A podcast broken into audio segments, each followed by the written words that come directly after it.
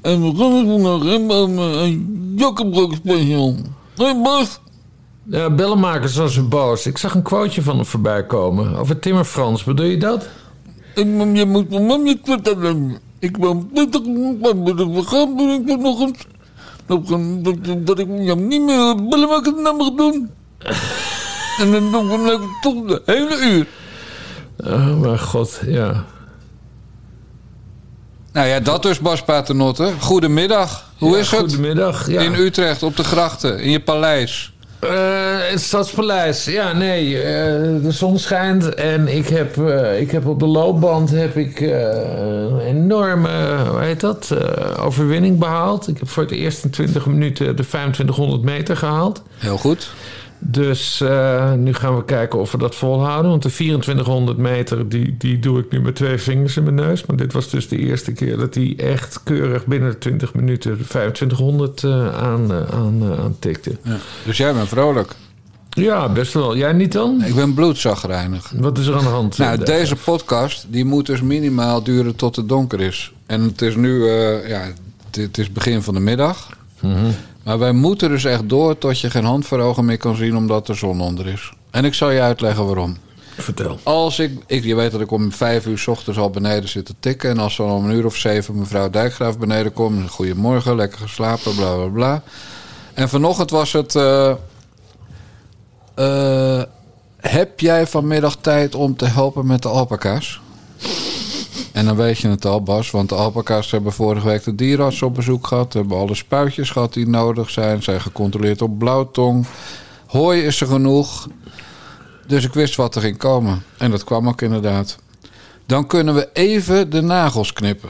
Oh mijn god, jezus. dus ik zeg- dacht dat ze weer moesten gaan paren. Maar dat... eh, Nee, nee, is, dat, dat, dat moet eh, beter getimed worden. Want ze moeten in de zomer geboren worden. En dus elf maanden daarvoor eh, paren. Dus dat, Ja. dat was het niet. Dus ik zeg, godverdomme. Dus ik was weer spontaan mezelf, zeg maar. Hè. Dan zit je midden in je briefje wat je zit te tikken. En, eh, oh, eh, moet ik me weer schuldig voelen dat ik het vraag? Maar weet je wat het is, Bas? Normaal, er komt de schapenscheerder, hè? En die Ja. bindt die beesten eh, aan hun, die bindt de poten van die beesten vast aan het hek. En die legt een soort zak, ehm, eh, ja, eh, zeg maar een soort pittenzak. Ik weet niet of je dat kent, als je pijn in je rug hebt. Maar een soort zak over die nek met gewicht erin, zodat ze blijven liggen. Ja. Maar de, ja, ik ben dus niet de schapenscheerder. Eh, dus ik heb ook niet zo'n pittenzak. En ik heb, ook- ik heb ook geen touw om die beesten aan het hek vast te binden met hun poten. Dus dit gaat betekenen dat mevrouw Dijkgraaf, die nog nooit zelf die nagels heeft geknipt, zegt tegen mij: Ik knip wel en jij zorgt dan maar dat ze blijven liggen. Dus ik moet nu met mijn volle lichaam vanmiddag in het Ja. hok van de alpaca's, waar, waar ze ook in schijten. In dat hok moet ik dus met mijn volle gewicht op die beesten gaan liggen. Dan weet je zeker dat ze helemaal in paniek raken. Ja. Dat ze proberen op te staan. Dat ze eh, die nek wel kunnen draaien omdat ik die pittenzak niet heb. En dat ze me dus midden in mijn smoel gaan spugen. Ja. Tenzij, Bas, we het volhouden tot het donker. En dan kan ik zeggen, ja, sorry schat, maar ik moest werken. En Bas Paternotte was zo lang van stof vanmiddag. Ja, nee, dan gaan we even kijken of we dat gaan redden. Maar een paar vragen. Eén, dit kan echt vreselijk risicovol worden. Want eh, er hoeft maar iemand van, van, van de, de roddelpers eh, langs te lopen toevallig. En je hebt opeens allemaal berichten dat, dat, dat Frans Klein op een alpaca ligt. En dan krijg je dat soort zaken. Maar veel belangrijker... Het zijn mannetjes, Bas. En ik ben, ik ben Eh, ja, absoluut nou, niet van Pokenstein. Nog, nog, nog erger, nog erger. Frans, Frans Klein aangetroffen met mannetjes alpaca. Drie. Eh, drie, drie, Ja, die vrouwtjes hebben kortere nagels. Die hoeven niet. Eh, maar belangrijker, waar, waar is de schapenscheerder zelf? Waarom is die... Piet heette die toch of zo? Ik weet niet hoe die Nee, hij heeft een hele, moeilijke naam, heeft hij. Machines. maar die, eh, nou, die, kon- die eh, heeft ze wel geknipt in het voorjaar. Maar ze Ja. zijn inmiddels weer zo hard gegroeid dat het weer moet. Nou, en, en, en dat is waarom ik godverdomme zei... Normaal is de tweede beurt, dus moet twee keer per jaar die nagels... die is voor de dierarts. En vorige week, hoorde je net... vorige week was de dierarts er voor al die prikken. En Ja. toen is die lieve schat van mij vergeten te vragen... of die ook eventjes eh, die, die nagels wilde knippen. Want die doet dat gewoon in zijn eentje. Die, heeft, eh, ja, die, is, die ligt onder koeien en zo. Dus die is niet bang voor dat soort beesten. Ja. En die vindt het ook niet erg om in zijn bek gespuugd te worden, denk ik. Maar, eh, ja, ik, dus, ik, dus ik denk, ja. Maar als ik nou zeg, had het nou verdomme aan Bart gevraagd, de dierarts. Ja, dan... en, maar weet je wat het punt is? Ik, eh, oh ja, er was ook nog, dan kijkt ze naar buiten. Het was net licht. En eh zegt ze... Doe je het gras nog een keer dit jaar? Dus ik heb echt anderhalve week geleden het gras om het huis nog helemaal gedaan. Hè, dus Ja. dacht, nou, en dan wordt het 10 graden en dan groeit het gras niet meer. Dus ik nou, mooi, klaar voor dit jaar. Ja. En dan doe je het gras. Dan zeg ik, nou... En dan moest ik me in te houden. zeg ik, nou, het was eerlijk gezegd niet de bedoeling, schat, om dat te doen. Ja. Het is wel lang, hè? ik zeg, de- eh, het is helemaal niet lang. Het is best kort. En, het, en de, de grond is hartstikke nat. Helemaal door, door, ja, zit helemaal vol met water. Hè, vanwege die droogte in Nederland. Dus als je nu met de grasmaaier eroverheen gaat... dan trek je elke graspolder gewoon uit. Ja. Dus ja, Bas, dan begint mijn dag gewoon om 7 uur kut. Ja, nee, ik snap het. Ik, het. Kijk, het probleem is, ik heb Thea, de laatste keer dat ik haar sprak... eh, dat was in 2005 of zo, op de boot. Toen ik eh, een collega van 2006 ging ik weg, daar, ja. Ja, nou, toen ik, toen, ik ging, eh, toen ik een collega van ons op de bek wilde slaan en in het water gooien. Toen dronk ik nog, maar toen heb ik haar voor het laatst gesproken. Dus het is een beetje raar als ik er nu ga bellen. Maar wat ik dan tegen, tegen jouw vrouw, tegen Theo zou willen zeggen... is van je moet gewoon het zaak als nagels knippen van alpakas... maar ook van honden en katten. Dat moet je gewoon echt aan de professionals overlaten. Want als ze verkeerd knipt, dan krijgt zo'n beest een ontstoken pootje. En krijg je daar ellende van. Dit is ook de reden waarom ik onze kat bijvoorbeeld... die heeft dan wel eens te lange nagels. Maar dan breng ik die altijd naar de dierenarts. Want, want Monique, mijn vrouw, die heeft wel eens gezegd... kunnen we het zelf niet doen. Maar ik vind het veel te gevaarlijk. Dat moet je... Wij zijn toch niet opgeleid om wilde dieren nagels te gaan, gaan knippen? Nee, Dus nee, goed. ik ben hier eigenlijk op tegen dat jullie dat vanmiddag gaan proberen. maar mevrouw Dijkgraaf heeft een Renault Katjar en ik heb een Lada Niva. Mhm. En ik krijg die beesten daar niet in hoor, om ze naar de dierenarts te brengen. Nou nee, maar ik had eerder gedacht dat we de dierenarts naar het landgoed halen. Oh, dat kan ook natuurlijk. Ja, dat kan. nee, ja. Ik denk dat ik het fragment... Maar, maar, Dat we nou nu zou ik in de auto gaan douwen. maar zal ik jou anders gewoon haar 06-nummer geven? Eh, ja, nou, dan wil ik... eh, ja, nee, ja. Nee, dat gaan we niet doen. Durf je dan- dat dan- nee, want dan heeft ze mijn nummer ook. En dan, en dan weet ik nu opeens al wat er gaat gebeuren. Wat dan? Nou, dat al die klusjes en al die lijsten van jou... dat die opeens bij mij terecht gaan komen. Ja, dat zou zomaar kunnen. Maar goed, de opdracht is dus gewoon om 4 uur vol te lullen vandaag. Ja, oké. Dan, dan red je mij. Dan gaan we maar even proberen. En morgen heb ik een afspraak, dus die, die duurt eigenlijk van 11 tot half 1. Maar dan kan ik gewoon zeggen dat hij wat uitliep en pas thuiskomen als het weer donker is. Ja. En dan donderdag, eh, ja, weet ik niet, maar we verzin ik wel een nieuwe smoes. Ja. Maar het eigenlijk op neerkomt, zaterdag is Pim Dijkgraaf hier. En dan kunnen we het even met z'n drieën doen. Eentje houdt de voorkant in bedwang, eentje houdt het, het lijf in bedwang. En, die, en de Ja. derde knipt. Ik Maar vind dat helemaal ook niet wel het juiste gereedschap daarvoor? Want Dat doe, je niet- gewoon, dat doe je gewoon met een snoeischaar. Ja. Ja, ik, dit gaat echt helemaal mis. Ja, ik, Bas, ik ben er ook geen fan van. Maar ja, ik weet ook niet waarom ze niet aan de dierenarts heeft gevraagd. Gelukkig luister ik geen podcast, want anders kreeg ik vanavond echt eh, geen eten en moest ik op de logeerkamer slapen na dit gesprek. ja. Want, want kan ze niet goed hebben, dit soort kritiek. Hier, alpaca, nagels. Nagels knippen bij een drachtige alpaca. Maar het zijn alleen mannetjes. hè? Ja, de vrouwtjes hebben die nagels zien er keurig gemanicureerd uit. Ja. Ze hebben geen klauwen, maar nagels. Een soort hondenvoetje. Met, oh, het zijn twee nagels per poot. Ja, dus we moeten 24 nagels knippen vandaag. Ja. Als het ernaar ligt. En, en weet je wat het ergste is? Je zit dus gewoon in je goede goed in de, in de alpaca stront in dat hok. Ja, En, de, en je wordt ondergespuugd. Nou, en dat is, dat is, eh, dat is gras, hè, wat, wat ze hebben gegeten, of hooi. Dat spugen ze dan in je bek. Het is gewoon... Ja, ik vind het gewoon mannenmishandeling waar mevrouw Dijkgraaf mee bezig is, als ik eerlijk ben. ja, ik vind het ook geen slim plan om het met een, met een snoeischaar te doen hoor. Je hebt hier een heel specialistisch schaartje voor nodig. Nee, dat is niet waar. Ja, ik, ik heb hier een hele video. Nagelverzorging voor alpakas. Ja, als ik dat zeg, als ik zeg, joh, kijk jij even op YouTube naar dat filmpje, wordt ze helemaal gek. Nou, raast interessant. Nou, Ja, interessant. we- we- we- Nee, dat betekent gewoon dat we- sowieso wel vol tot, eh, tot, tot, tot de zon ondergaat. Ja. Nou, dat hoop ik dus wel, ja, Bas. Ja. Dus je moet nu echt iets voor mij doen. Want ik heb vanochtend ook al heel vroeg ge- ge- geappt naar jou... van hoe laat kunnen we opnemen? Want ik hoopte eigenlijk dat we om 9 uur al konden beginnen... en dan van 9 tot 6 doortrekken.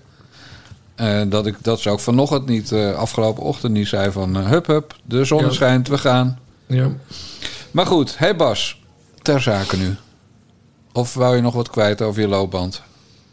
Nee, nee. Het, eh, ik begrijp nu wel waarom ik iets vrolijker ben dan jij. Maar laten we maar beginnen met, eh, met de show. Ja, nou ja, want eh, show, show, show. dat valt ook wel weer mee. Oké, we gaan beginnen met, met manipulatie. En met hoe, hoe omgegaan wordt met fragmenten. En dan niet door ons, maar door de media die hebben geluisterd naar de, het programma Van Torentje naar Torentje van het dagblad Tubantia. Waar gisteren Pieter Omzicht gast was. En eh, nou ja, als je de, de andere media moest geloven, heeft Pieter Omzicht daar gezegd dat hij een groot voorstander was van een rechtskabinet. Zonder de PVV weliswaar. Maar van VVD, een NRC en dan nog een zootje klein, eh klein rechtsgrut. Eh, maar dat heeft hij helemaal niet gezegd. En ja, de nare jongens zijn altijd fair en balanced. Dus ik laat jou gewoon het hele fragment eh, horen. Waarbij Omzicht eerst heeft verteld hoeveel zetels hij denkt dat alle partijen gaan krijgen. En dan wordt hem gevraagd eh, naar de collegesamenstelling. De interviewers van dienst zijn Ron Vrezen. Want ze, ze huren altijd eentje uit Den Haag in, een eh, gepensioneerde. Vorig jaar Ferry Mingelen. Of bij de vorige verkiezingen. En een, een vrouw met een hele mooie stem van wie ik de naam niet weet. Nou, daar komt hij. Het hele fragment. Wat zie je gebeuren als dit de, stel je voor dat dit de uitslag is. Wat zie je dan in het politieke landschap gebeuren? Een minderheidskabinet. Een minderheidskabinet. Ja? Ja. Nou ja, er zijn best wel mogelijkheden die optellen tot een meerderheid. Hè? VVD, jij, eh, BBB en de PVV. Dan heb je, dan heb je een rechtskabinet. Ja, Volgens mij is Nederland best wel wat rechtser geworden de laatste jaren. zeker. Oh, dat bevestig je dus. Eh, dus zou het misschien ook logisch zijn als, als er een wat rechtser kabinet komt. Of zie ik dat verkeerd? Eh een centrumkabinet eh behoort zeker tot de mogelijkheden. Maar u heeft gezien dat eh, de... de Je mag je zeggen, hè, tegen mij. Dat aardig. Is dat u? Wat zei ik u tegen Ja, je? maakt niet uit. Oh joh. Eh, je bent nog jong hoor. Dat, Centrum gaat rechtskabinet. helemaal lukken. Ja, dat is, eh, dat is zeker een En mogelijkheid. wat- wie ja. zit er daar dan in? Daar zitten dan in een subsectie van VVD, NSC, BBB, CDA, SGP, ja, Oh. 21. Oh. Kunnen we even bij elkaar optellen? Ja, dat haalt net de 76 niet hier. Nee. Daarom heb ik ook gezegd, een minderheidskabinet is zeker een mogelijkheid. Maar dan wel met veel partijen. Want je kan ook een minderheidskabinet vormen met VVD, eh, jij en BBB. Dan heb kan je, ook 7, eh, heb je 64. Ja, dat is ook een mogelijkheid. En dan eh, ga je de rest eh, halen bij, eh, bij anderen. Ja. Nou, zo scoor je dus headlines, hè? Hij zegt eh, helemaal niet dat dat op ook maar enige manier zijn voorkeur heeft. Toch? Ja? Nou ja, eh, ik laat Bas, ik ben aangever. Ik, ik laat er nog even op me inwerken. Nou, Dus, ik eh, nee, maar ik heb, ik heb dus- Oh, jij, wilt, jij weet maar dus dat ik het lang waar-. Wat zegt hij dan eigenlijk wel? Want dan snap ik het gewoon niet, geloof ik. Nou, hij zegt dat hij, hij ziet dat staan, wat hij er zelf heeft ingevuld aan zetels. En dat is ongeveer gelijk met alle peilingen van dit moment. En dan zegt Ja. hij, nou, ja, dat eh, een minderheidskabinet dus. Ja. Dat zegt hij. En terwijl er natuurlijk op die borden één meerderheidskabinet staat. van drie partijen. Ja. En dat is eh, VVD, NRC en PvdA GroenLinks. GroenLinks, Ja. PvdA. Ja. Dus die noemt hij nadrukkelijk niet. Wat een goede vraag geweest zou zijn voor Ron Vrezen. Van, goh, waarom noem je die niet? De Ja. meest voor de hand liggende met maar drie partijen. En waar ook half Nederland bang voor is. Hè, dat hij eh, lekker in de Kamer gaat zitten... en Timmermans premier namens eh, het kabinet omzicht 1 mag worden. ja. Maar daar wordt helemaal niet over gesproken. Het gaat er eerst over een minderheidskabinet eh centrumrechts. En daarna gaat het over een, een groot minderheidskabinet van bijna... Ja, op dit moment dan 75 zetels eh, in zijn peiling. ja. Eh, met, met zelfs ja 21 en de SGP en zijn aardsvijand het CDA erbij. Nog Ja. even, en Hugo de Jonge wordt dan minister. Ja, ja, ja, ik weet niet. Ik ben sinds zondag, ik ben, ik zal me eerlijk zeggen... Ik Je bent hem zat, ben, hè? Ik ben echt een beetje Pieter Omtzigt moe geworden nu. Het is... eh, eh, zondag hadden we dat RTL-debat en eh, heel goed, hij kreeg meteen de vraag, hè, want dan ben je er ook vanaf, nou, wat, wilt u premier worden of niet? Nou, hij liet het weer in het midden. Nou, ik ben er eigenlijk wel klaar mee met Pietertje Omzicht en, en al die spelletjes die hij speelt. Eh, over twee weken zijn de verkiezingen en we weten gewoon niet of NSC, die, die, die nu eigenlijk wel als de grootste peilt. Hè? Ze liggen alle drie dicht bij elkaar, maar goed. Eh, we weten nog steeds niet of NSC eh, überhaupt bereid is een premier te leveren. Of dat dan Pieter Omtzigt is. Of er een andere kandidaat misschien is.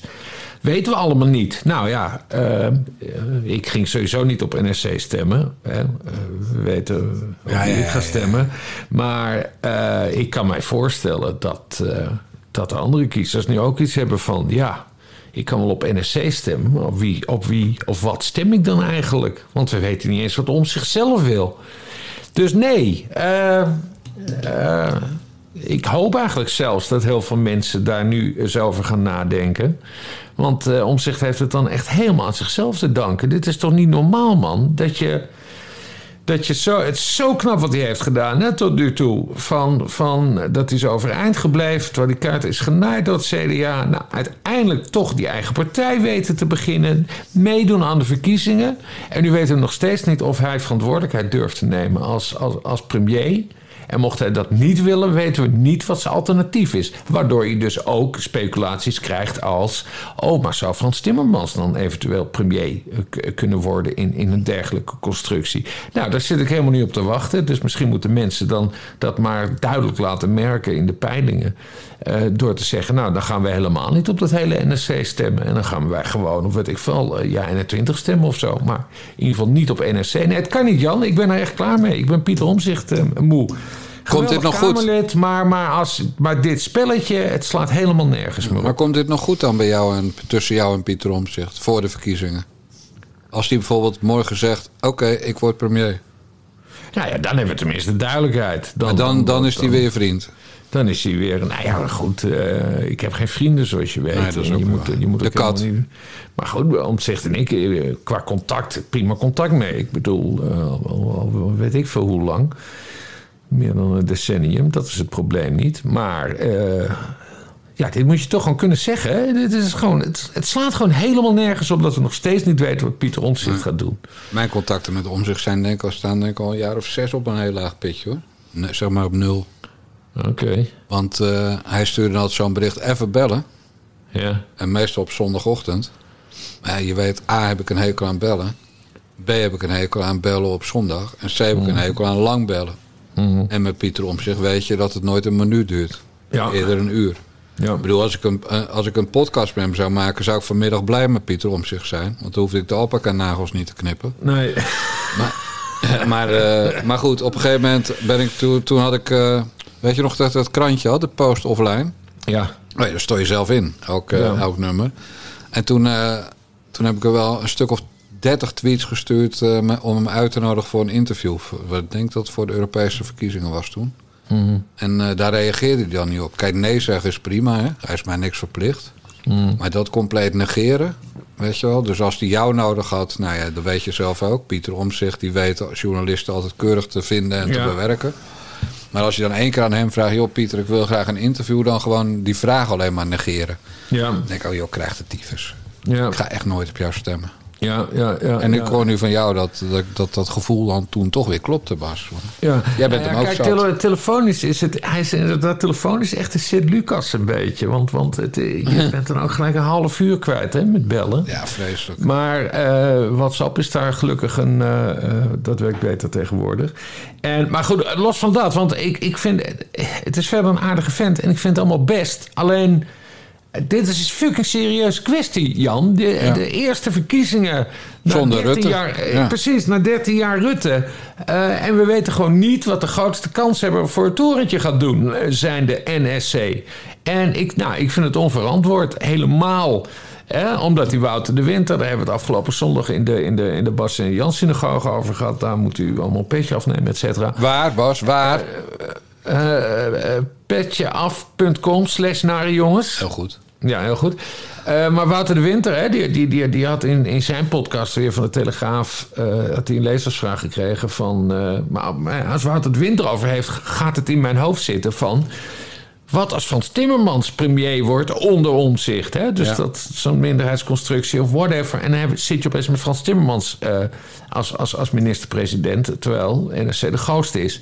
Dat wil ik dus allemaal niet. En daarom is het zo belangrijk met helderheid te komen. En daarom, ja, daarom vind ik het niet eens zo interessant dat hij daar bij Tubantia eh, zit. En dit spelletje, dat doen, dat doen ze al honderd jaar trouwens. Eh, maar ik vind, het, ik, vind het, ik vind het allemaal niet zo interessant. Want het, doet er niet toe. Zolang we niet, eigenlijk doet er helemaal niks meer toe. Totdat we weten of Pieter Omtzigt wel of niet premier wil worden. En verder, eigenlijk moeten we gewoon Pieter Omtzigt kaart gaan negeren. nee, maar dit slaat toch nergens op, Jan? Ben Nee, nou ik ben roepende in de, in de woestijn? Ik ben Nee, het er helemaal mee eens. Maar ik vind dat, dat partijen zelfs hun voorkeurscoalitie zouden moeten aangeven. Dat zou ik nog veel beter vinden. Ja. Eh, want ik wil wel... Kijk, voor Dylan Jesilgus geldt natuurlijk hetzelfde. Die zegt dan wel dat ze premier wil worden. Wat God eh, verhoede. Maar die houdt ook alle kaarten op eh, de borst, wil ik zeggen. Maar dat is in haar geval Ja. Kaarten op de, op de Cup A. Eh, Ja. Als het gaat om, ga je weer over links, net als eh, met Kaag? Of, Ja. eh, of ga je nu eindelijk een keer echt Ja. zorgen dat de problemen in dit land worden opgelost? En ga je voor een rechtskabinet? Ja. Dus, dus dat, dat vind ik even verderfelijk als, als wat Omzicht doet. En Omzicht doet het allebei. Hè. Die zegt niet welke coalitie die wil. Maar, en dan noemt hij zelfs als mogelijkheid het CDA. Ja, kom op. Dat, Ja. dat is echt eh, iemand de andere wang toekeren in het kwadraat eh, wat je dan doet. ja, ja, ja, ja. Dus, dus eh, nee, ik wil gewoon weten. En maar Van der Plas zegt het ook niet heel duidelijk. Ik wil gewoon weten wie wil met wie. En op het moment dat ze allemaal zeggen... we willen niet met de PvdA GroenLinks... dan gaat Timmermans, waar hij goed in is... die gaat dan eindelijk echt campagne voeren. En dan, dan zet hij die vaselinepot... waarmee hij zijn vuist insmeert... voor hij bij om zich naar binnen eh, glijdt. Ja. Dus dan doet hij die ook weg. En dan gaat hij gewoon keihard, eh, keihard aanpakken... dat tuig van, eh, van, van NRC en zo. Ja, nou, Dus- Timmermans, want zo, zo kom ik dus op, op, op, op Huub Bellenmakers, waar jij mee, mee begon. Eh, nee, want, want, want Huub die werd ook weer ergens gequote notabene, als, hè, omdat het toch de GroenLinks-partij baron is. Nee, want Timmermans heeft dus nu weer stront met die GroenLinks-achterban van Ja. hem, hè? Over 2030 en de stikstof, toch? Ja, precies. Eh, want dat zei hij zondag. eh, Neem je bij tijd, Dat, neem je bij tijd. dat RTL-debat zei hij... eh, eh, dat, die, dat, die, dat die stikstofdata niet meer belangrijk zijn. Hè? Eh, wat, wat was nou de afspraak die we met Europa hebben gemaakt? Eh 2035 35, ja. stikstof in Nederland gehalveerd. En eh, het huidige kabinet onder, eh, onder druk van D66... die wil dat dus naar 2030 30, halen. ja. Dus met vijf jaar vervroegen. En- PvdA ook in het verkiezingsprogramma. en PvdA GroenLinks. GroenLinks. heeft dat nu dus ook in het verkiezingsprogramma staan. Maar Timmermans heeft dus zondag gezegd van dat, hij, dat het niet heilig voor hem is. Eh, wat ik trouwens helemaal geen nieuws was, dacht ik. Omdat hij dat ook al zei in dat één op één debat in Arnhem met eh, Omtzigt. Hè? Toen heeft hij dat ook Ja. al gezegd. Dat, dus ik snapte even niet waar, waar al die paniek vandaan kwam. Want dat had hij al gezegd. Maar goed, Laura Bromet, dochter van GroenLinks-Kamerlid en, en GroenLinks-Kamerlid. eh, die is nu boos en ze heeft dus tegen de Telegraaf vanmorgen gezegd. Ehm, ja, nee, Frans bedoelde dat eh, allemaal diplomatiek en als een, eh, om de discussie te openen. Maar nee, die datum blijven we gewoon nog vasthouden. Nee, Timmermans heeft nu twee keer gezegd dat die datum niet heilig voor hem is. De stoel is heilig. Er is de stront eh, aan de knikker bij, bij GroenLinks. Ja, voor de tweede keer. Eerst Voor met Israël, Hamas. Ja, maar dat zegt dus ook al... Daarom vind ik het ook die totale onzin... dat Frans Timmermans premier zou moeten worden. Eén, hij kan zijn eigen club niet eens verbinden. Dus eerst met eh, die ruzie over, over de terreuraanval op Israël... En, en, en, en nu dit gedoe over, over die stikstoftoestand. Nou, hoe wil je dan, als je eigen par- partij niet kan verbinden, hoe wil je dan het land verbinden? Nou, verder kampt hij met een soort eh, bizarre reactie als hij onder druk staat, dat hij zich als een clown gaat gedragen. Nou, dat heeft hij zondag proberen aan te passen, hè, want opeens ging hij, ging hij, was hij heel afgemeten opeens. Er kon er Ja. geen lachje meer van af. Dus, dus toen is hij helemaal de andere kant op doorgeslagen. Hij had opeens had hij een das om, had je dat gezien? Ja, ja, zeker. Dus waarschijnlijk had hij ook niet genoeg adem, eh, kon hij niet genoeg adem krijgen. Want een das, ja, die heeft hij al jaren niet meer gedragen, omdat hij moddervet is. Dus, dus nee, jongens, Frans Timmermans is ook geen premier. Dus het is, eh, nee, het is, het, ik vind het allemaal mega irritant. Alles vind ik irritant tot nu toe aan de Nou ja, dat is ook mijn dag. Ik ben blij dat je mijn stemming een beetje overneemt. We zitten weer helemaal op één lijn. Over iets ander, anders irritants gesproken. Was jij er ook in getrapt? Dat filmpje van eh, Rico Verhoeven met Silvers. Dacht jij ook van eh, die, die Rico die laat portemonnee praten? Want bedoel, een ondernemer is hij niet, maar hij is wel eh poepierijk. Die kiest gewoon voor de partij die, die altijd goed is geweest voor het kapitaal. Die is VVD-fan en die leent zich voor een filmpje met Jus Silvers. Dat dacht ik. Ja, ik heb dat half meegekregen, want ik was vrij maandag. En, en dat, ehm, eh, de kwestie is dat Rico... Dat, het lijkt erop alsof Rico Verhoeven heeft meegewerkt aan een Ja, VVD-campagnefilmpje. net als Maarten van der Weijden, ja. Maar het was een filmpje voor NOC-NSF, waar, Voor jeugdsport. waar juist Dylan Jesilgers aan heeft meegewerkt. Ja. Dus het initiatief kwam niet uit van, eh, van, van de VVD, maar van, van NOC-NSF. En de VVD, maar ik vind het wel smerig hoor. Die Ja, de VVD dus- heeft het misbruikt, ja. die hebben het dus gewoon, ja, maar gewoon echt misbruikt. Ja, ja. En, en hier, hier hadden we het zondag ook in de sy- synagoge over. Dat, dat je ziet steeds meer hoe politieke partijen nepnieuws en desinformatie nu gebruiken. Ja. De- Want dit is, je, ze wekken echt de indruk. Eh, we hebben Rico Verhoeven gebeld van wil jij Dylan eh, gaan, gaan trainen? Terwijl het, is helemaal niet zo is. Het is andersom gegaan. Dus nee, schandalig. En hij is nu boos, want eh, ja, de indruk wordt gewekt dat hij nu pro-VVD zou zijn. En dat is hij dan niet. En ik snap dat ook wel. Dat je als, hij, is, hij sporter en acteur inmiddels ook, begreep ik.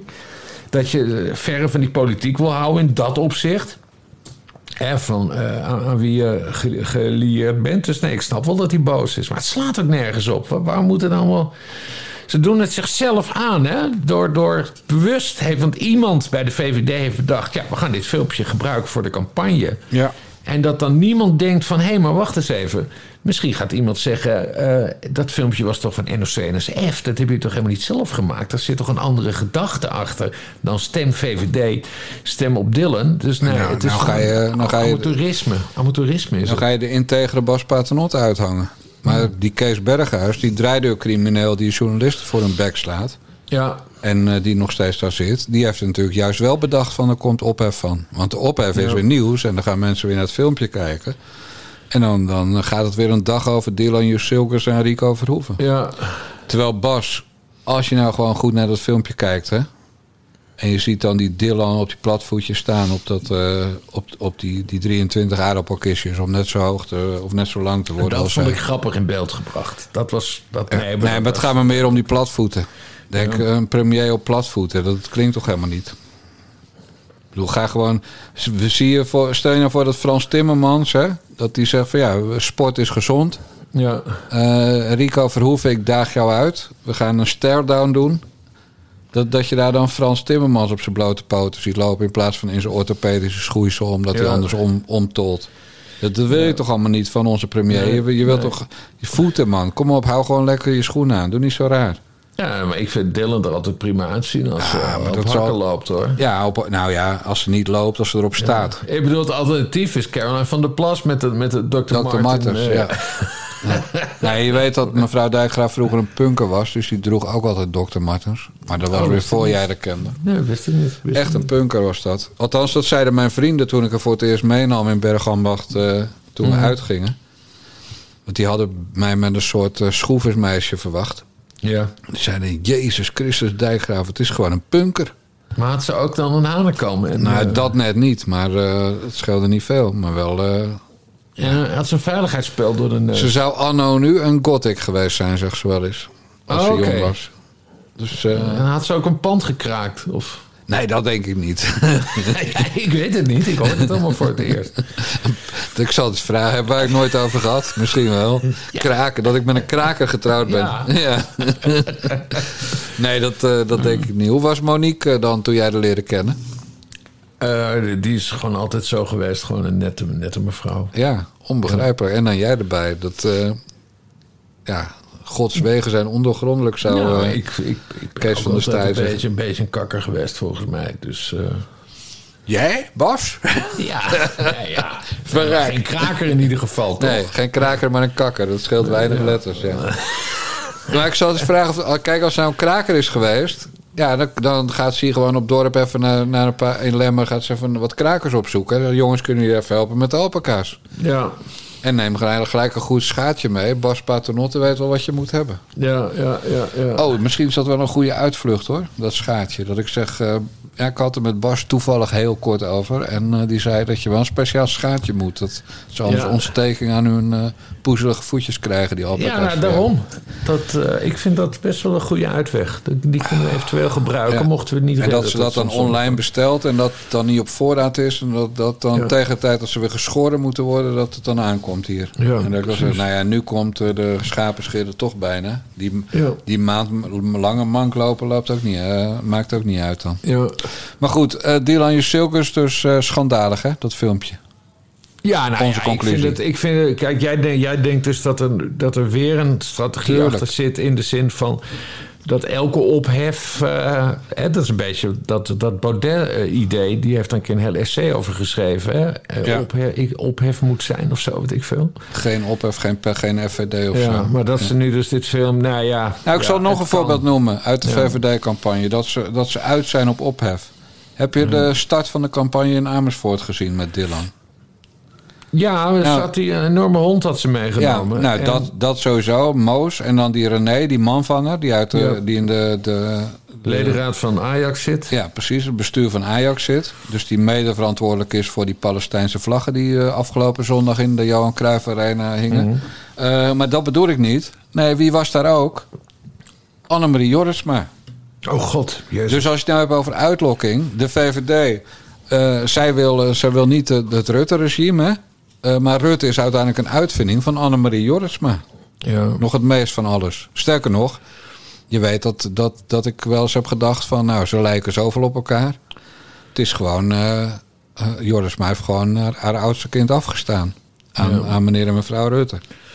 Dat ze Eh, familie van elkaar zijn. nou ja, dat zij de moeder van hem is. Eh, Maar goed, dus, dus, dus je trapt een positieve campagne af... waarbij je eindelijk van Mark Rutte de leugenaar af bent. Ja. En wie staat er prominent in beeld? Annemarie Jorisma. Wat Dat, erg, dat doen ze om ophef te creëren. Dat ze Annemarie, Annemarie, Annemarie Jorritsma echt verre van mij houden. Van welke Ja, campagne dan ook. Zeg. Maar, maar dat is hun strategie. Van zorgen dat er iemand van de, van de media het ziet. eh, Ja. Een stukje over tikt. Dat iedereen er een dag over heeft. ja. En dan eh, over tot de orde van de dag. En over twee weken weten, weten mensen alleen nog maar... oh ja, de VVD was wel veel in beeld de afgelopen weken. Ja. Eh, die Dylan, ja, dat is wel een pittig wijfie. Zeggen ze, nou stemmen we toch maar weer VVD. Maar Ja. ja, je weet het niet met Wilders en met Omtzigt en met Van der Plas en met... eh, hè? Zo gaat Nou het ja, dan. goed. En van omzicht weten we het echt niet. Dus dat is daarom... eh, nou ja, goed. Maar doe, Eh, ik- dat bewijst Ja, dus mijn stelling... Jorritsma, mijn favoriete anecdote. Die Ja. heb ik, die heb ik, heb hem hier wel eens verteld. Maar goed, zijn doe maar rustig verder. Doe maar gewoon nog een nee, keer. maar die, de allermooiste, dat ze, dat ze, ze is ergens commissaris van in Friesland of Groningen, weet ik veel.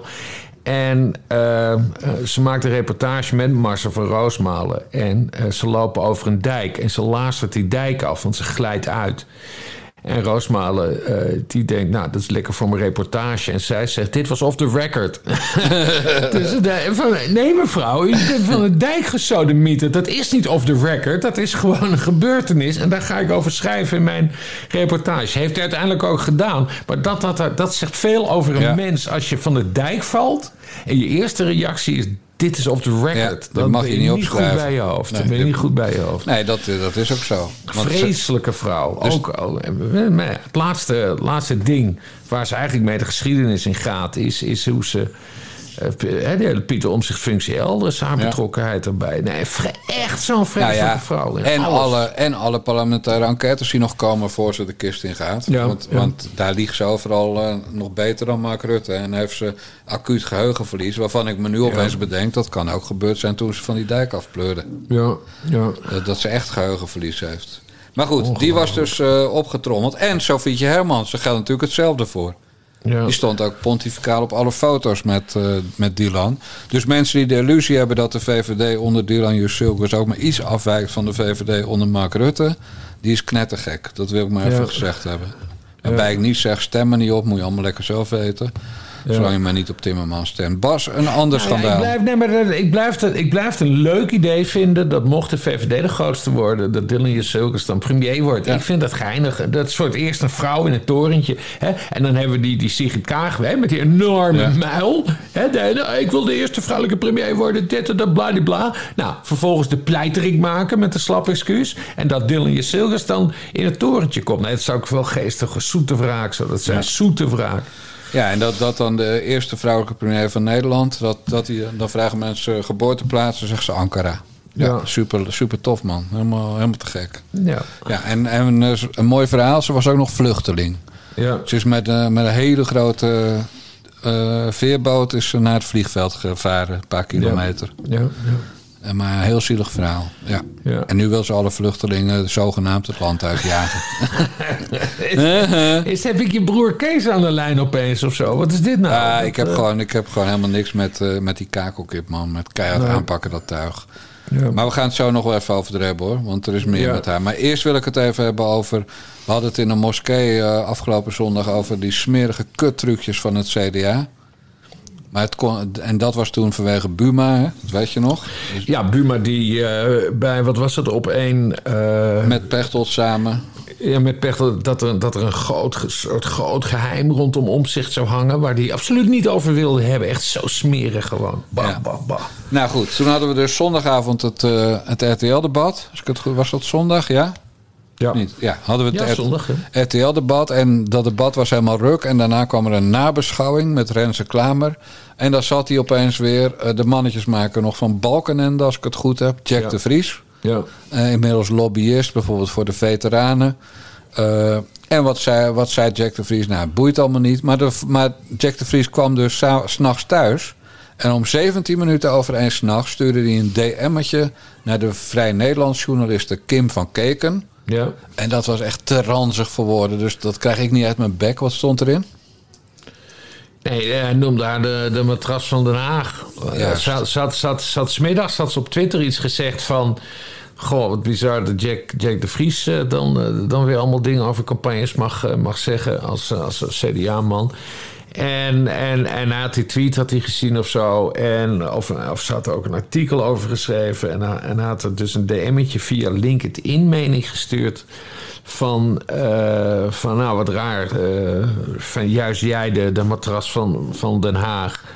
En daar was er niet van gediend. Ja, maar hij suggereerde ook dat hij dat bekend ging maken. Want ik heb genoeg Ja, bronnen, maar, zei hij. Eh, ja, maar, Ja, maar, terwijl ze dat zelf al heeft gedaan. Maar ze had er zelf al een keer over geschreven in, eh, over Haagse omgangsvormen. En ze heeft een keer, ik weet niet eens de details, maar ze heeft een keer een relatie gehad met de voorlichter van D66. Nou, prima. Moet je helemaal, moet je helemaal zelf weten. En dat, ja, dat gebeurt in Den Haag. Nee, maar dat gebeurt in Den Ja, maar Haag. D66er. Oh, ja, oké. Eh, sleeuw. ja, waarom niet een, een, een echte man van een echte partij? Nee. Ehm, maar goed. eh, eh, eh, maar ja, Jack de Vries. En die ging dus gisteren, was het maandag? Ja maandag. Moest hij dus diep door het stof. Want ze had dat, dat persoonlijke bericht had ze online gezet. En, en hij zei toen sorry en hij heeft er ook nog gebeld. En, en hij is nu van, van Twitter af. Dus dat was, eh, dat was redelijk snel, eh, snel afgelopen. Ja, Nou maar- zo rollen CDA's. Dit is... Dit is dit het was gewoon chantage hoor, dat bericht. Want hij, hij suggereerde echt van... ik ga vertellen over jouw periode als ma- matras van Den Haag. Ja, Eh, en ik heb diverse bronnen. Als je, en dan bedoelde hij natuurlijk... als je doorgaat met mij zwart maken op social Ja. media. ja. Ja, en dat, dat, bedoel, dat is weer zo... Dat is gewoon... Je hebt eerst Bontebal die iedereen de tyfus scheldt op Twitter... en, ze, en als ze tweets gaat verwijderen... ja. Dan, dan, heb je, eh, dan heb je dus Buma die, die met Pechtold samen eh, om zich zit te besmeuren... zonder dat hij zegt waarmee eigenlijk, maar gewoon suggesties. Hmm. En dan, dan Jack de Vries, die nog altijd CDA is natuurlijk. Hè? Want zo werkt dat. Daar heeft Of hij, of hij deze campagne het CDA adviseert, weet ik niet. Maar de de vorige campagne, Ja. die, heeft hij nog, toen, eh, die heeft hij nog geadviseerd. Daar heeft hij toen een paar uur eh, per, per week of per dag vrij voor gemaakt. Ja, precies. Dus nee, de banden met Jack de Vries eh, die zijn gewoon goed bij het CDA. Want die zag ook allemaal CDA'ers zeggen van... ja, nee, maar Bontebal heeft er niks mee te maken. Want Jack de Vries was 100 jaar geleden actief bij het CDA. Nee, vorige campagne Ja. was hij actief bij het CDA, jongens. Nou, niet doen alsof het alleen maar jaar eh, de balk in de periode was. Want dat is onzin. Nee, dus, nee maar dit is CDA's achterbak. Het zijn achterbakse types. Ja, niet allemaal, maar een groot deel wel. Hè, het zijn stiekeme kontenknijpers. Nou, dat, dat, dat zie je ook aan die bontebal. Dat zie je aan alles, hoe die praat en die, die, die, die, die kop van hem.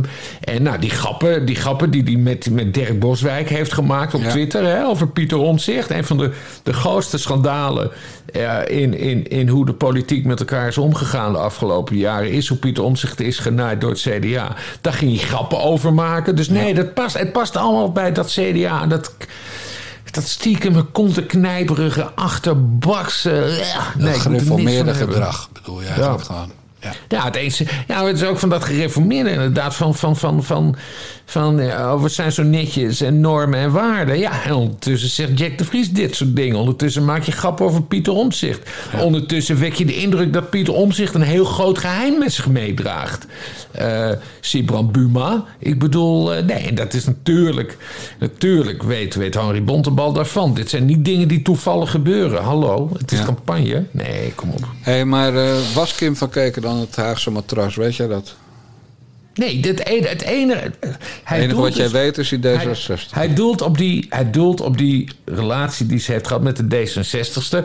D66er waar ze eh, daar heeft ze over geschreven in een artikel notabene. Dat staat gewoon zwart op wit. Ja, behalve dat, ze de partij niet noemde. Want ik heb dat artikel gisteren even teruggezocht. Toen jij een vrije dag had, heb ik gewoon... Ja, volgens mij stond dat erbij, want ik weet niet, anders weet ik niet... Een voorlichter stond dat er. Deze, ja, een voorlichter van deze. Nee, dat stond er niet bij. Nou, volgens mij stond dat er wel bij. Maar goed, whatever. Het, het is geen geheim, want ze heeft daar dus over geschreven. En, en, en, en ja...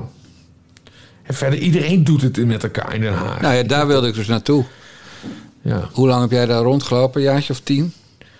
Letterlijk? Ja, van van uh, eind, uh, eind 2002 tot en, met, tot en met 2009. Dus dat is ah, zeven jaar of zo. Zeven jaar. Dus nou ja, uh, ik schenk even wat in en ik zeg Bas los, Bas Paternotte. Nee, daar is verder heel weinig over te, over te Iedereen, over zei net. Da, da, iedereen had daar relaties met elkaar. Ja, vertel. En, weet ik veel. Nee, nee, dat is toch niet zo redelijk. Kijk, dat was die, ik weet niet hoe het nu is, maar, het was een pressure cooker. Uh, dat, dat Den Haag. Het is een paar vierkante kilometer. Uh, waar voorlichters, journalisten, politici, lobbyisten. Dat, dat, dat loopt er allemaal dwars door elkaar heen. Ja, en dan gaan mensen, ja, die hebben dan, uh, die hebben dan wel eens seks met elkaar. Ja, dat gebeurt. Ja, ja van mensen is allemaal maar jeuken. Maar ik wil gewoon mijn vrienden goed leren kennen. Dus vertel, Bas Paternon. Nee, nee, maar goed, ik, ik ben. Dat is, je kan ook zeggen, er is niks gebeurd, hè? maar dat zeg je niet. Dat is hartstikke lang geleden dat ik daar rondliep. Ik weet niet hoe het nu is. Het ziet er allemaal wat, wat, wat, wat, wat, wat, wat, wat cleaner, cleaner uit. Volgens mij wordt er ook veel minder gezopen en zo in de haar. Ja, maar dat deed jij toen wel, Bas ja. Want ik heb daar nog wel zo'n factuurtje van gezien van Nieuwsport. Dus... Uh, ja, nee, uh, dat. Uh, maar ik heb zo, ik heb zo het idee dat jij mij niet gaat redden qua alpaca's als we zo doorgaan. Want je geeft gewoon geen antwoord op mijn vraag. Ja, maar ik heb er niks over te vertellen. Ik heb echt geen spannende verhalen erover. Gewoon niet. Je hebt gewoon nooit uh, seks gehad in Den Haag? Ja, ik heb wel seks gehad in Den Haag, maar, maar niet met. Ja, niet met voorlichters van D66. Nee, ik heb een heel leuk. Nee, niet met voorlichters. ik, heb, ik, heb, ik heb een heel, een heel leuk vriendinnetje heb ik, heb ik een tijdje gehad. En uh, zij werkte op het ministerie van Algemene Zaken. En, en, en, en, toen zei ze wel, nou, ik vind het op zich wel gezellig en we kunnen elkaar vaker zien, maar ik moet dat dan wel doorgeven. Dat ik met een uh, dat ik, uh, romantische relatie onderhoud met een meneer van Metro. Ik zei ja, prima. Nou, dat heeft ze toen netjes doorgegeven aan, aan Algemene Zaken. Wie was dus, toen premier? Nee, maar zie je, je moet... Hè, Balkende. Oh, oké. Wat zei de balk toen hij je de volgende keer tegenkwam? ik heb, nee, maar, nee, maar je weet, ik ben voor de krant vaak op het torentje geweest. Maar ik heb het daar nooit met, met, met uh, Balkende over gehad. Maar het hoefde verder ook niet. Kijk, daar, het is toch ook helemaal niet erg om seks te hebben met, met elkaar in, in, in, in Den Haag. En die, nou, die, die van Keken, die is daar gewoon open over geweest. En, en, en, nou ja, en dan zie je dus zo'n stiekeme kontenknijper als, als Jack de Vries... die daar dus misbruik van wil maken. Nou, dat is toch bizar. Dat is toch toch... Nee, heel klein, klein vind ik het. Ja, bah. ja nou ja, ik, ik vind het interessant wanneer het gevolgen heeft voor je werk natuurlijk. Nou ja, daarom, eh, ja. daarom is het misschien wel een aardig voorbeeld. Dat, toen, dat dat toenmalig vriendinnetje van mij dus... dat gewoon netjes tegen haar baas heeft gezegd van... Uh, En ze heeft er ook verder geen problemen mee gehad. Maar dan ligt het gewoon vast. Hè? Dan weten ze. En in principe werk je dan voor de premier. Dan is duidelijk van: oké, die heeft een, eh, een relatie met de journalist van, eh, van Metro. En na de Dus derde eh, date zei ze: Ik kijk weer een blokje verder, of niet? Toch? Of heeft het lang geduurd? Nee, niet meer zo lang geleden, Jan. Ik ben. eh, Jouw geheugen is niet zo goed. Nee, maar dat is een hele andere tijd. Ik ben nu. eh, Dames en heren, daar komt hij op. Bas Paternotte gaat het zeggen. De heilige woorden. Ik heb er geen actieve herinnering aan. Nee, maar goed, ik ben nu al jaren bij Monique. Dus dat. eh, Dat is al heel lang eigenlijk, hè? ja. Hoe lang? Meer dan. Eh, geen idee, 2008 of zo, ik weet het niet. Echt heel Zo, lang. Respect voor haar, hoor. Kunnen leren. Ja, ja, zij is echt een mevrouw Dijkgraaf van Bas Paternotte wat dat betreft. Ja, ja. Ze moeten het allemaal maar, ze moeten het allemaal maar, eh, maar doorstaan met ons, Bas. Ja, hè? ze heeft wel die wat stellen eh, ge- gehad met mij. Dus dat, eh, ik zit nu eigenlijk in wat rustiger vaarwater. Want ik ben nu ook een oude lul aan het worden. Maar nee, diep respect voor mijn vrouw, eh, absoluut. Ja, ook voor de meiden hoor, ondanks alles met die kutnagels van die kutalpakas. Ja, we hebben, we hebben maar massa met, met onze vrouwen. Dat Ja. ze met, met types zoals wij eh, naar de jongens. eh, Dat bedoel ik. Ja. Ja, Als zolang goed. die maar geen podcast met z'n tweeën gaan maken, dan, dan, eh, dan, eh, dan gaat de hele illusie bij onze luisteraars weg dat wij ook maar ergens iets te vertellen hebben. En Ja, zo. nee, precies, Ja. Oh. precies. Ja, hey ja, Bas, ja. ik heb altijd wel een hele goede actieve herinnering aan feiten. En een Ja. van de feiten was dat het eh, associatieverdrag met de Oekraïne absoluut niet de opmaat zou zijn naar eh, een lidmaatschap van Oekraïne van de EU.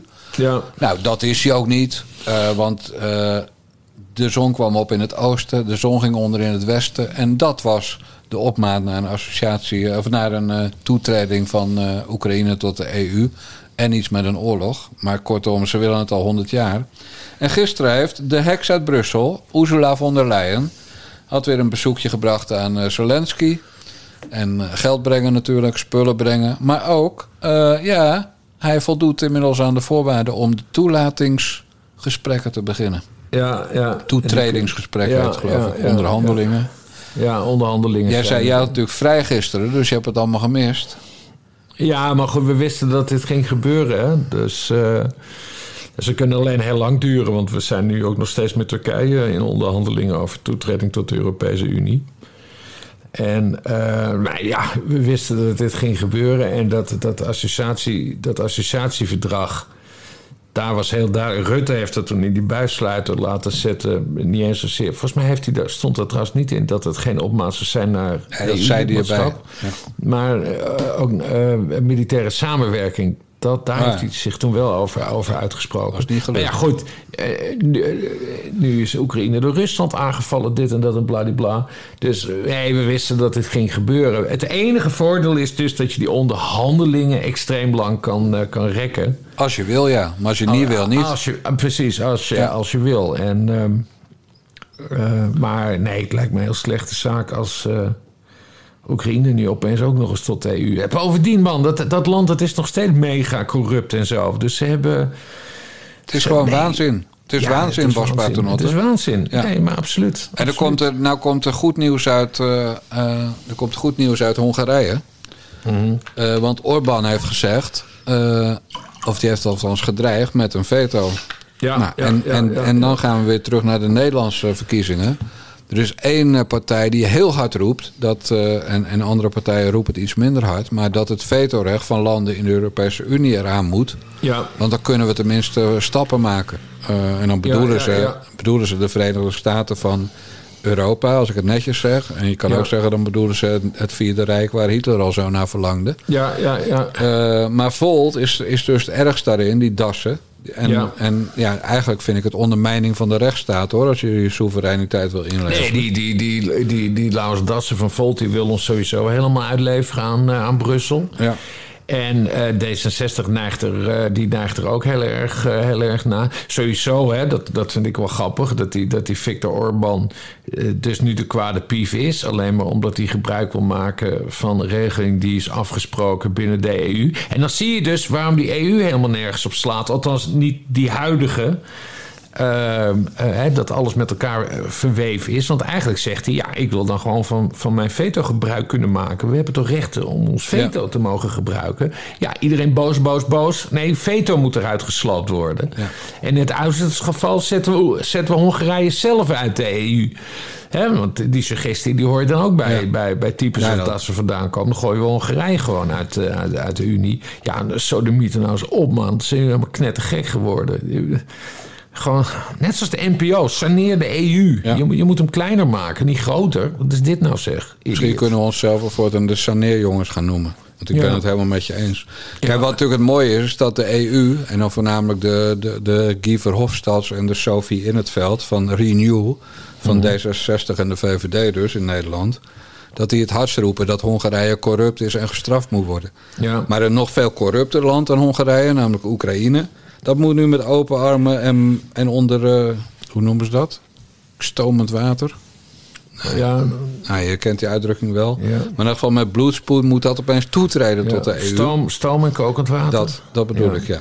Eh, dus dus dan, ja, de inconsequentie van, de lui, van die lui... de hypocrisie in gewoon Nederlands... Ja, dat is gewoon ongekend, man. Nee, maar En het haalt, het, haalt ook alle, alle, alle enthousiasme voor überhaupt een EU-project haalt het eruit. Want op zich, ik vind de EU op zich als idee wel lollig. Hè? En als we kunnen kijken of we dan daar wat aan kunnen verdienen en zaken doen en makkelijk reizen, dit en dat en bladibla.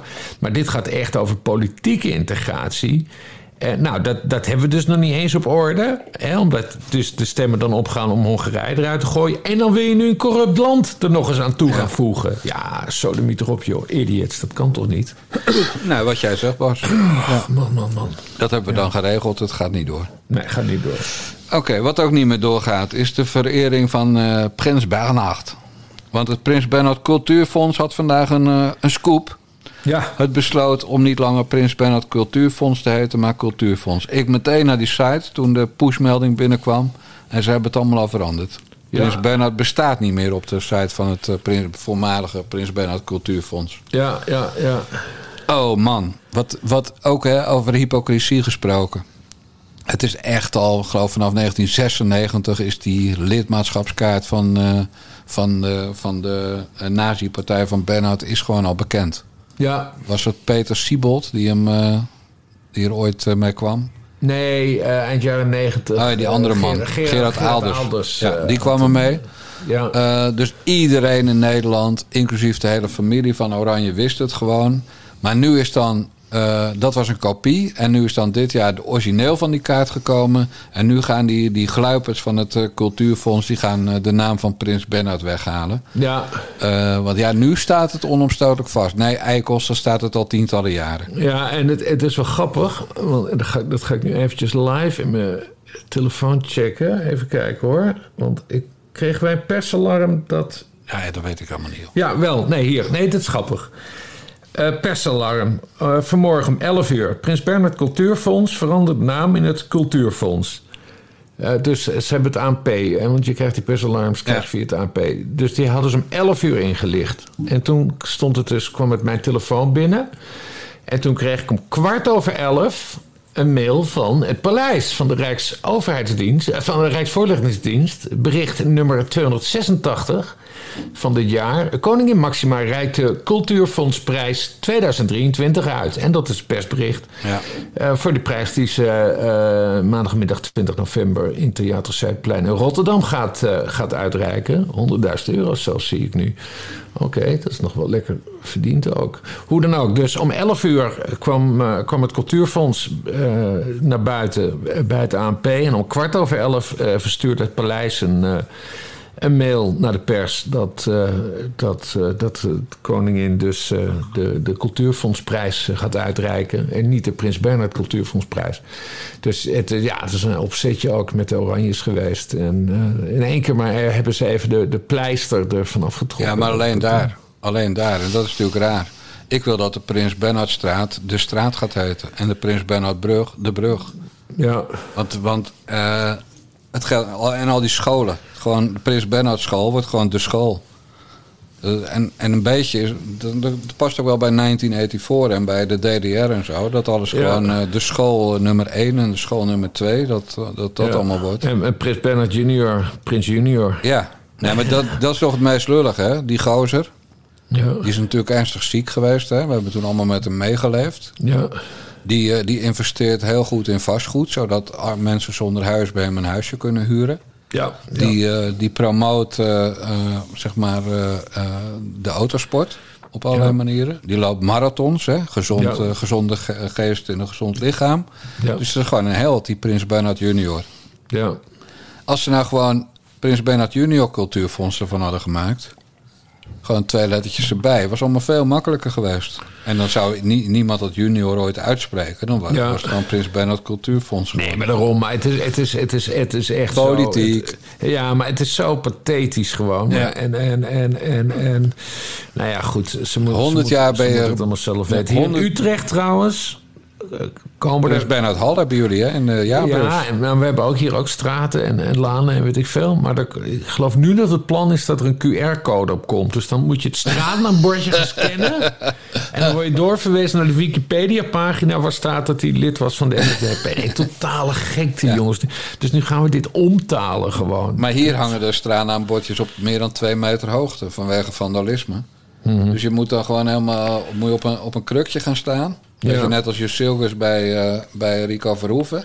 En dan moet je je telefoon erbij houden. En dan moet je maar Ja. op de gok een foto maken van die QR-code. Ja, En dan zie je Prins Bernhard was een nazi. En dan zeg je, ja nou, en wat is nou het nieuws? Ja, nee, maar gekke huis toch. Laat dat... Belachelijk. Gewoon, gewoon, ja. Nee, maar geef gewoon toe dat je, dat je hebt staan applaudisseren op Prinsjesdag voor een nazi al die jaren. ja. En sterker nog, eh, nu doe je dat voor een, eh, voor een dochter van een man die betrokken was bij het regime dat mensen uit vliegtuigen flikkerde in Argentinië. Ja, ja. Dus eh, waar hebben we het? En, en trouwens, was Prins Klaus ook niet een beetje fout?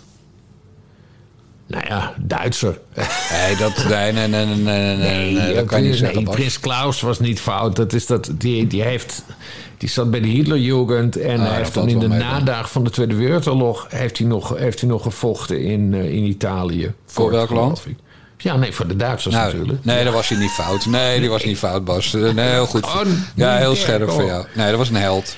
Ja, Prins Klaus Fonds. Oh, oh god. Nee, maar, maar goed. eh, ah, nee, niks aan de hand met Prins Klaus. Hij zat straks bij de Hitlerjugend. En in de nadagen, toen hij geen jugend meer was, heeft hij nog eh, met Ja, de nee, nazi's maar hallo, klachten, de, klachten bij Beatrix. En sowieso bij die Oranje. Nee, maar- maar- zij, nee. zij slepen al die foute types mee naar Bij naar het Prins. Klaus Fonds. Daar. Ja, Want eh, gewoon, dat wordt dan gewoon het fonds. ja. Dat bestaat toch, Prins Klaus Fonds? ja, dat is ook zo. Dat is toch met die stropdas wel uit doorknippen? Ja, ja, ja, Ja. Dat, eh, ja nee, doorknippen, hij deed hem af, meen ik. En die gooide die toen op de grond, wat eigenlijk Nou ja, een eh, moment Ja, was. ook ordinair. Ook gewoon, kijk, ook dat, hè, van die verkwisting van, van, eh, van ja, waarschijnlijk door kinderhandjes gemaakte stropdassen.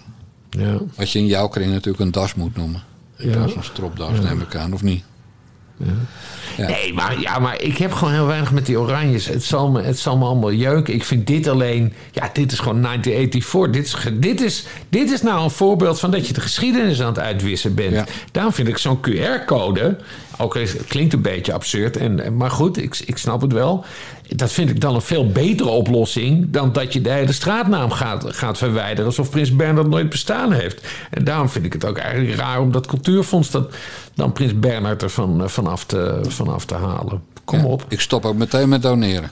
Nee, maar kijk, eh, het, het is ook niet zo... Wat heeft die man nou gedaan?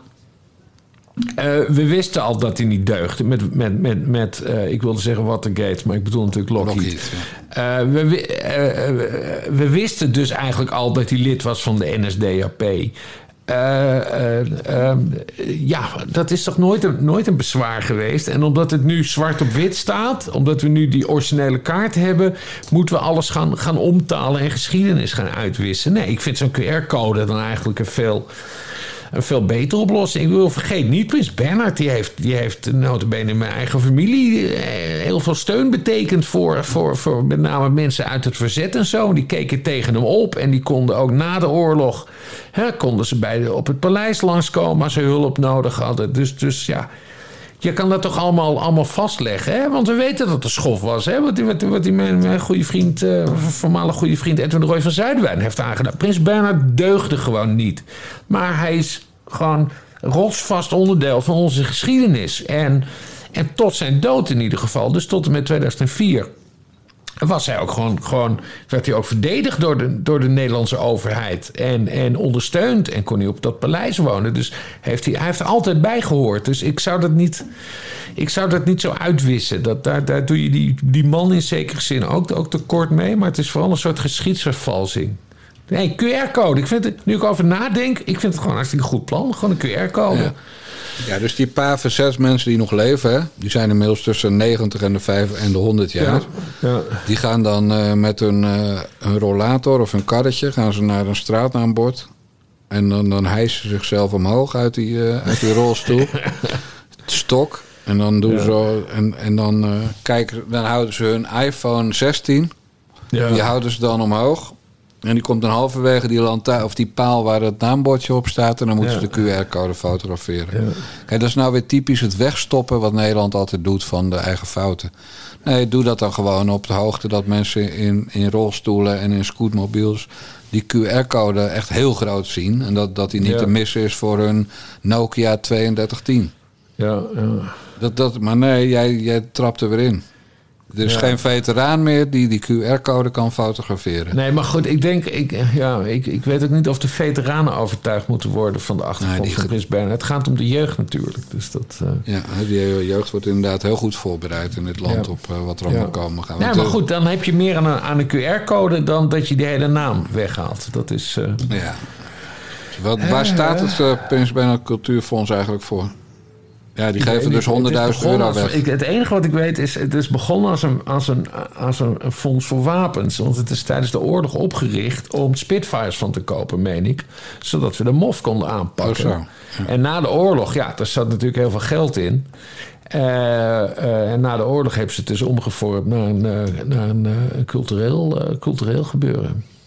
Nou, supergoed. Kijk, we hebben één geruststelling, Bas Paternotte. Mhm. Zolang eh, Willem-Alexander koning is en er oorlog uitbreekt... zal die nooit doen wat prins Bernhard allemaal heeft gedaan in de oorlog... en voor de oorlog en na de oorlog.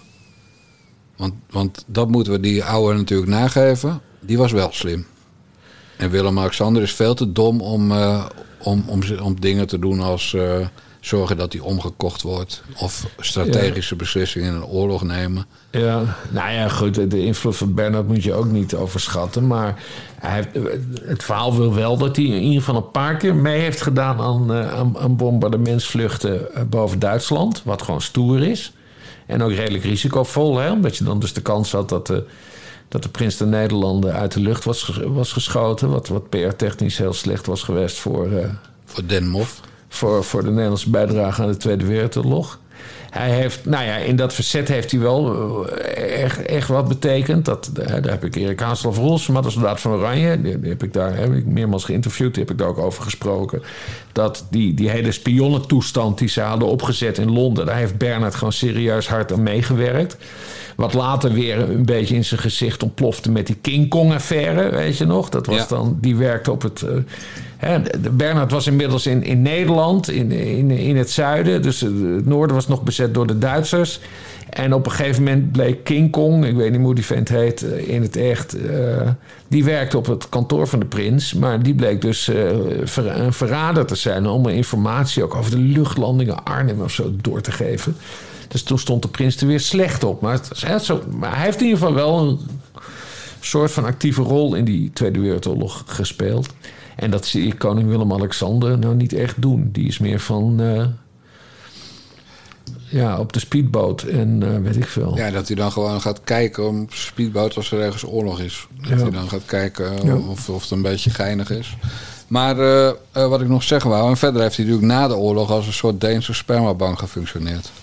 Die Bernhard. Waar, waar we het zondag over Ja, hadden. in daar de hadden we het zondag over. de. De, de, ja, dat de Denen onze... Nou, dat moeten mensen maar terugluisteren. Ja, maar het komt erop neer dat onze lesbiennes worden omgevolkt door Deens zaad. Maar dat moet u echt terugluisteren van zondag. En- ja, dat was, ja. dan moet je naar petjeaf.com slash naar de jongens. Neem Ja, je een abonnementje. En dan luister je gewoon de Bas en Jan Synagoge aflevering 66 terug. Ja, En dan hoor je alles over Deens eh, sperma... waarmee eh, Ja. Nederlandse lesbiennes eh, volop worden ge- geïnjecteerd. Maar goed, Bernard dus. eh, eh, twee buitenechtelijke dochters, hè? Dus, nee, dus- acht. Bekend. Twee eh, geaccepteerd. ja, oké, maar allemaal meisjes bedoel ik. Oh, dat- ja. zaad gesproken. Ja, slecht zaad. Ja. Er, was, er was heel lang nog een roddel dat hij, dat hij nog twee zoons in Afrika zou hebben. Maar daar, volgens mij is dat, is dat echt helemaal nooit bewezen. Maar verder zijn er wat bewezen is. Allemaal meisjes Voor, zo- voor zoons moet je sterk hebben. Moet je echt een ja, pikkel zijn. Bernard kon alleen maar meisjes maken, gek genoeg. Ja. Ja. Nou, dat is niet gek genoeg, want kijk maar naar zijn kleinzoon. Ja. Willem-Alexander. Idem Ja. dito. Ja. Kijk, Prins Klaus was, was wat dat betreft... eh, had andere had meer ballen van staal. Om Ja. het even zo te zeggen. Nee, maar dat is een goed punt voor jou. Dus Ja. daar heeft hij dan weer... eh, ja, en Willem-Alexander ook gewoon drie meiden. Struise dames zou je wel kunnen zeggen. En ik, ik, ik ken iemand, Sander Schimmelpenning. Die schijnt ook in het nieuws te zijn vandaag. Maar dat, wij volgen dat allemaal niet. Die vunzige roddels over, eh, over eh, dat mannetje. Maar ja, die, eh, die heeft ook een dochter. Hè? Ja. Ook uitsluitend dochters. Om het even zo te zeggen. Ja. ja. Ah, Bas. Oh. Staat er nog wat op de lijst? Nou, heel veel. Waar zijn we? Eh, Ja. We zijn pas een uur onderweg. En, en, en het wordt pas over drie uur donker. Dus eh, wij nemen onze tijd. Wat was nou eigenlijk jouw leukste, leukste bij Metro? Wat zeg je? Wat was eigenlijk het leukste wat je ooit bij Metro hebt gedaan? Het leukste wat ik ooit ben mee. Nou, doe dan maar panorama. Dat was spannender. Wat is het leukste wat je daar hebt gedaan? Oh, er staat zeker niet in een draaiboek. Dan weet je het? Nee, ja, nou ja, ja het leukste, het leukste, het leukste wat ik heb gedaan. Dat nee, Panorama heb ik. Die stunts die we daar deden. Ik heb me bij Panorama uitgegeven als eh, hele goede vriend van eh, eh, Prins Willem-Alexander. Toen dat ik met René Vroger heb afgesproken om hem, hem te laten, laten zingen op, op het huwelijksfeest van, van Willem-Alexander en, eh, en Maxima. Nee, dat heb ik voor Panorama gedaan. En deed hij het? En eh, nee, maar dat, dat, dat, dat was, dat was super mooi. Want ik heb toen ook Joep van het Hek heb ik toen uitgenodigd. En eh, die heb ik toen niet ontmoet. Maar dat ging allemaal telefonisch. En die schreef toen daarna een column in NRC. Van ik ben gebeld door het paleis. Eh, of ik als oranje criticus, oranje criticus kwam optreden op het huwelijksfeest van Willem-Alexander en, eh, en Maxima. Maar ik, eh, ik, ik vermoedde dat er iets raars aan de hand was. Want het, het, ja, die meneer die klonk wat raar aan de telefoon. Het leek wel een verslaggever van de Panorama. Ja. Pats! Dus toen hebben we die hele column in Panorama afgedrukt natuurlijk. Heerlijk. Dus nee, die stunts die waren grappig. En nou ja, we hadden het over Prins Bernhard. Maar hoe ging dat met Vroger dan? Die heb je wel ontmoet toen? Ja, in... eh, God weet het hotel. Ja, bij Hilversum zeker. Ja, Van de ja, zo'n hotel. En toen heb ik daar uur gezeten met, met Vroger en een fotograaf. Ik weet niet meer welke dat was. Go, ja, Goffer Struisma volgens mij. Die had net een kind.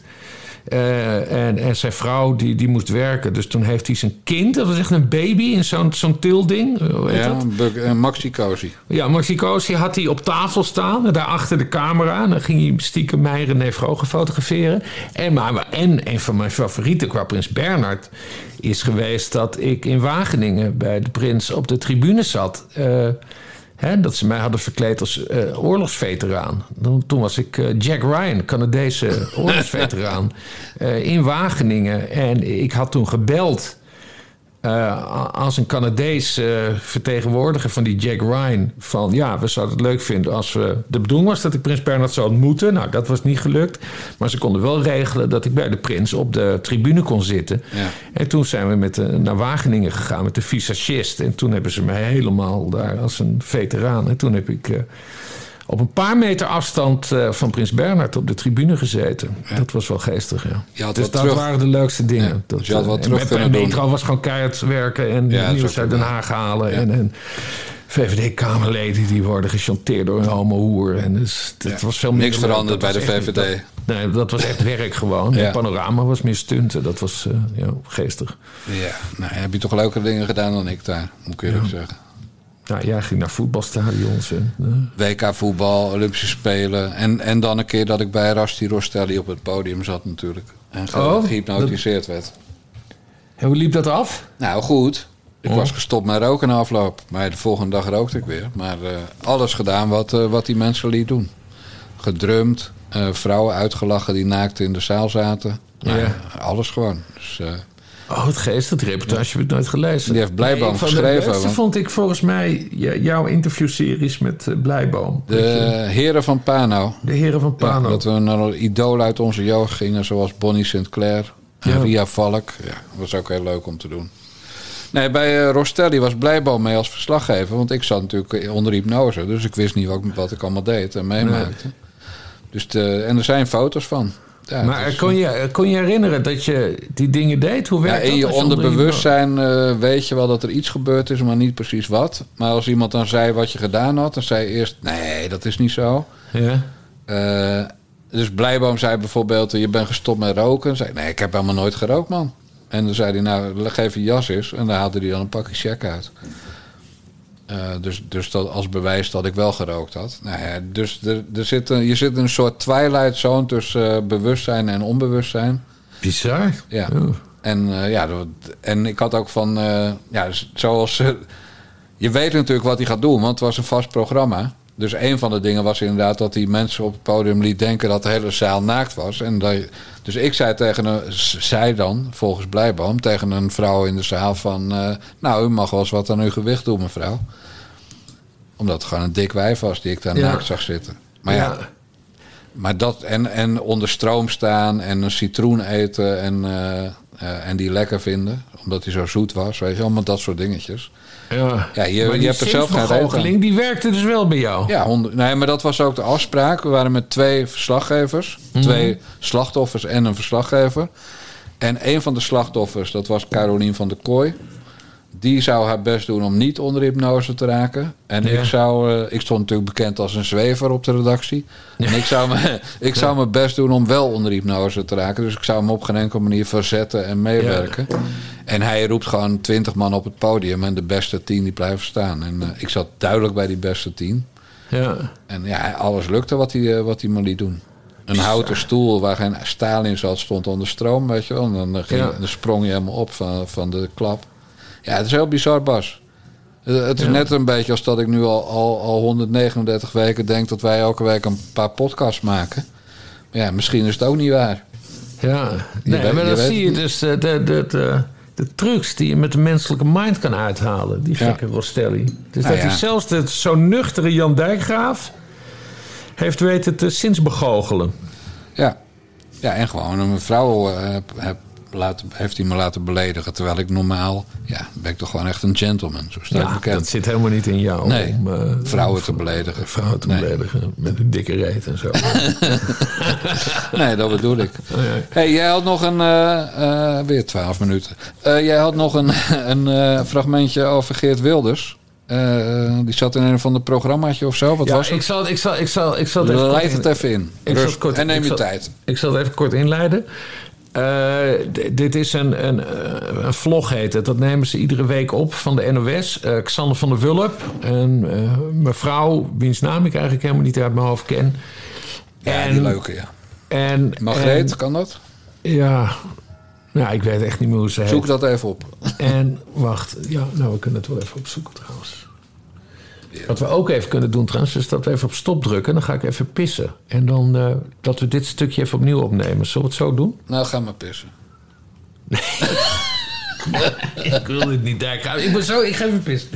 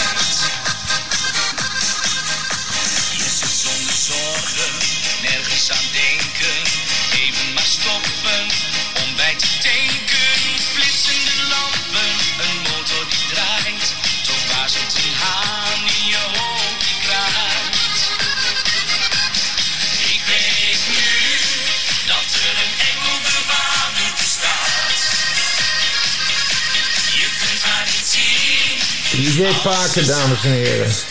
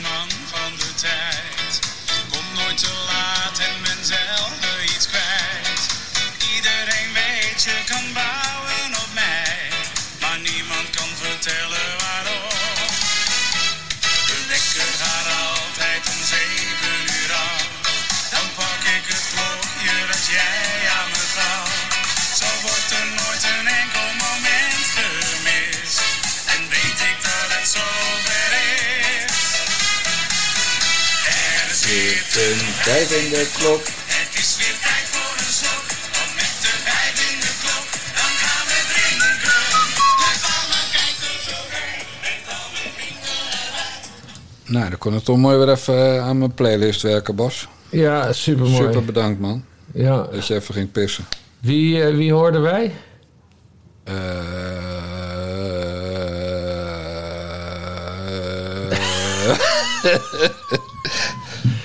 Schuitenmaker. Uiteraard. Ja, die Ja. andere. Mart Hoogkamer.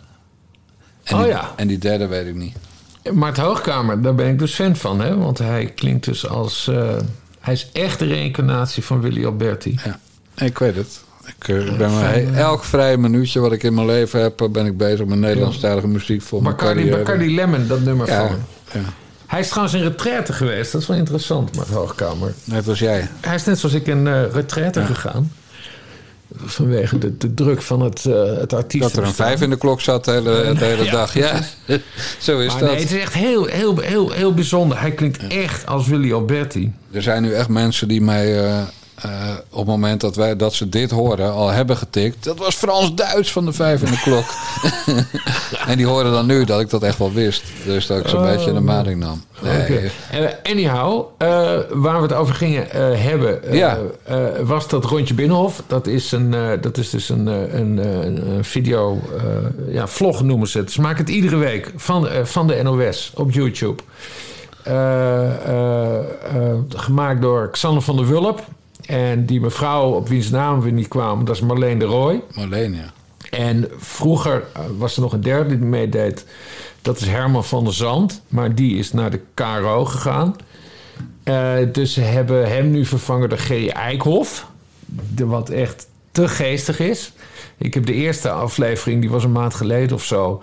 En eh, dan is het, dan is het echt leuk dat er een buitenstaander meedoet. Want toen, toen liepen ze over de burelen van de eh, Partij voor de Dieren.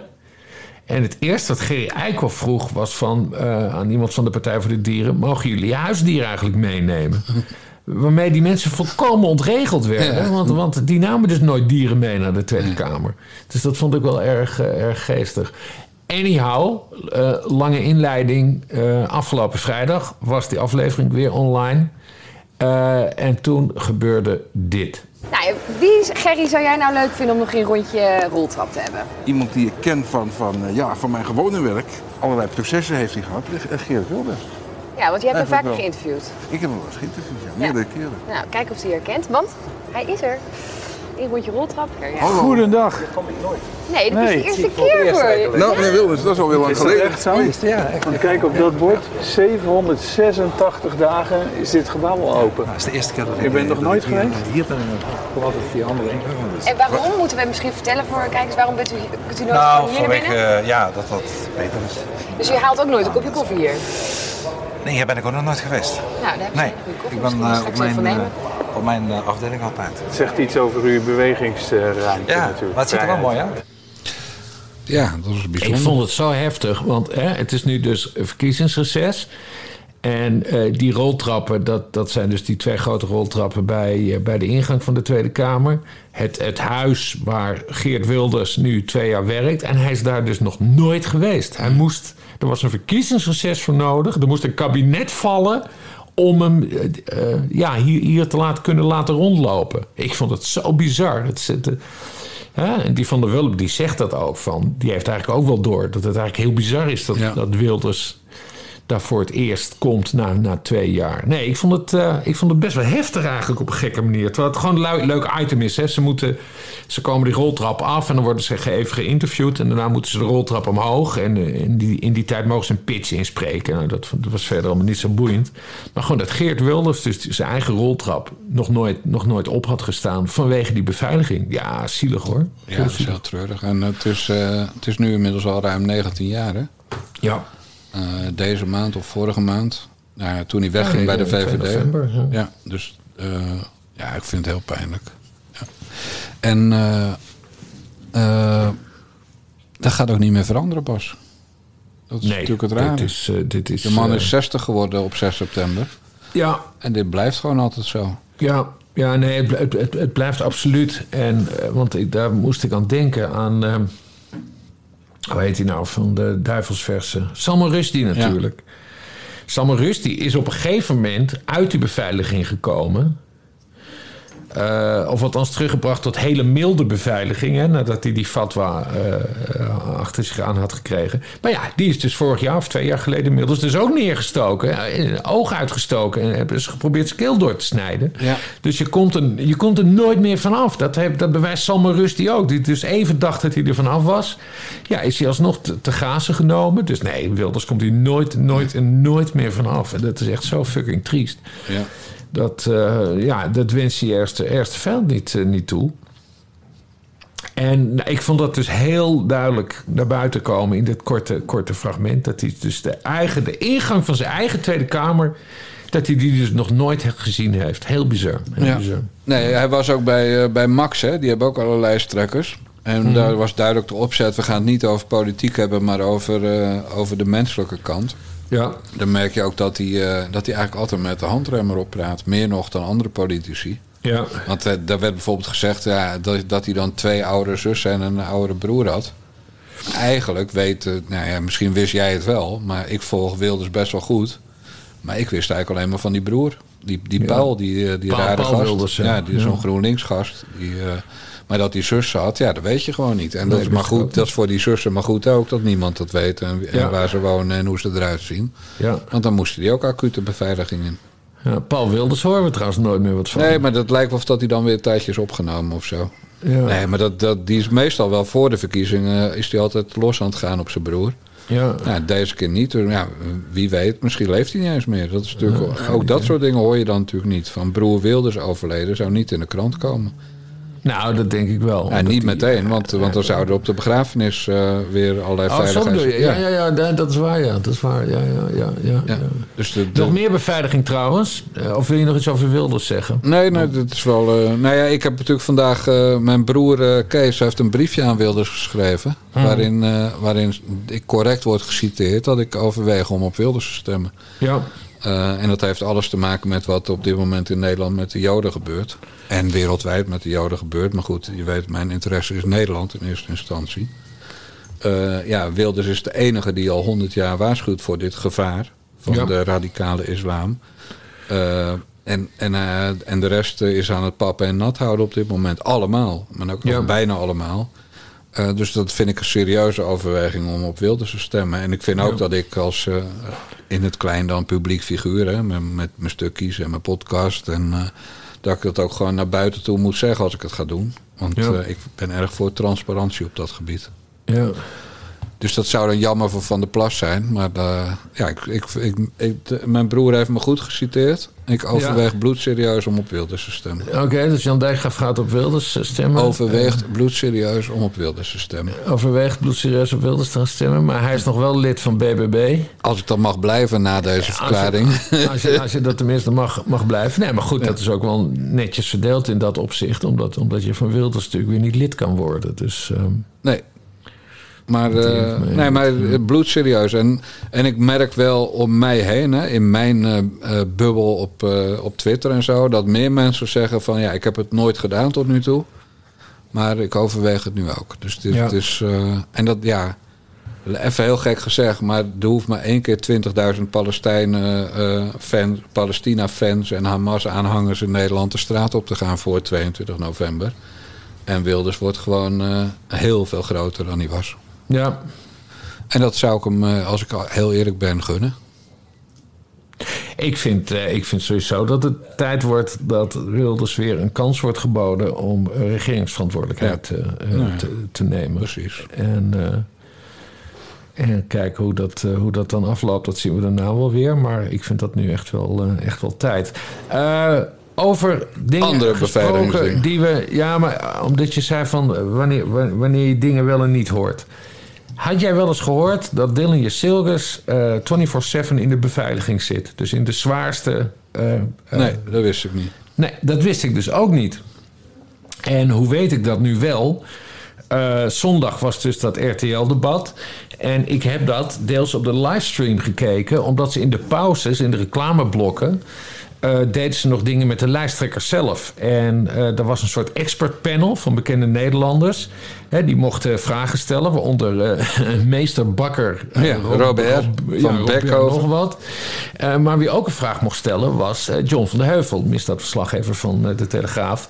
Die zelf in de beveiliging zit, of althans eh, onder een regime, wordt. ja. Ehm, en die had daar een vraag over voor alle lijsttrekkers. En een videoboodschap had hij opgenomen. En hij vroeg van, ja, als je straks premier bent... dan kom je ook in de 24-7 beveiliging terecht. En hoe gaan jullie daarmee om? En eh, nou, toen was, het dus, eh, toen was het dus reclameblokpauze. Nou, toen konden ze eerst... eh, Timmermans die, die, die, die, die wilde niet, die had geen tijd. Om zich konden ze niet vinden. En Dylan Jasilkers wel. Dus Dylan kijkt naar die, eh, kijkt naar die videoboodschap. En eh, die zegt, nou ja, ik weet, hoe, ik, we- ik weet hoe erg dat is. Want ik word namelijk 24-7 eh, beveiligd. En daar ging ze verder ook niet te veel over vertellen. Maar dat vertelde ze daar gewoon als feit. En toen, ik had iets van, ja, maar dat heeft ze dus nog nooit gezegd. En dat heeft ze, het is wel voorspelbaar, hè, omdat ze minister van Justitie is. En nou ja, die worden gewoon zwaar, zwaar bedreigd. Maar toen moest ik denken aan Sigrid Kaag. Hè? D66 heeft er enorm mee op het orgel lopen spelen. Ja, Sigrid Kaag bedreigd, Sigrid Kaag ook beveiligd, dit en dat, bladibladibla. Dylan Jasilkes, die, heeft- die, die speelt die kaart helemaal niet. Ja, en omdat nu eh, John van de Heuvel haar op de vrouw afvroeg... van ja, hoe, hoe, hoe ga je daarmee om als je straks premier bent... toen zei ze het in die, in, tijdens een reclameblok... Ja. geef ze antwoord op die vraag...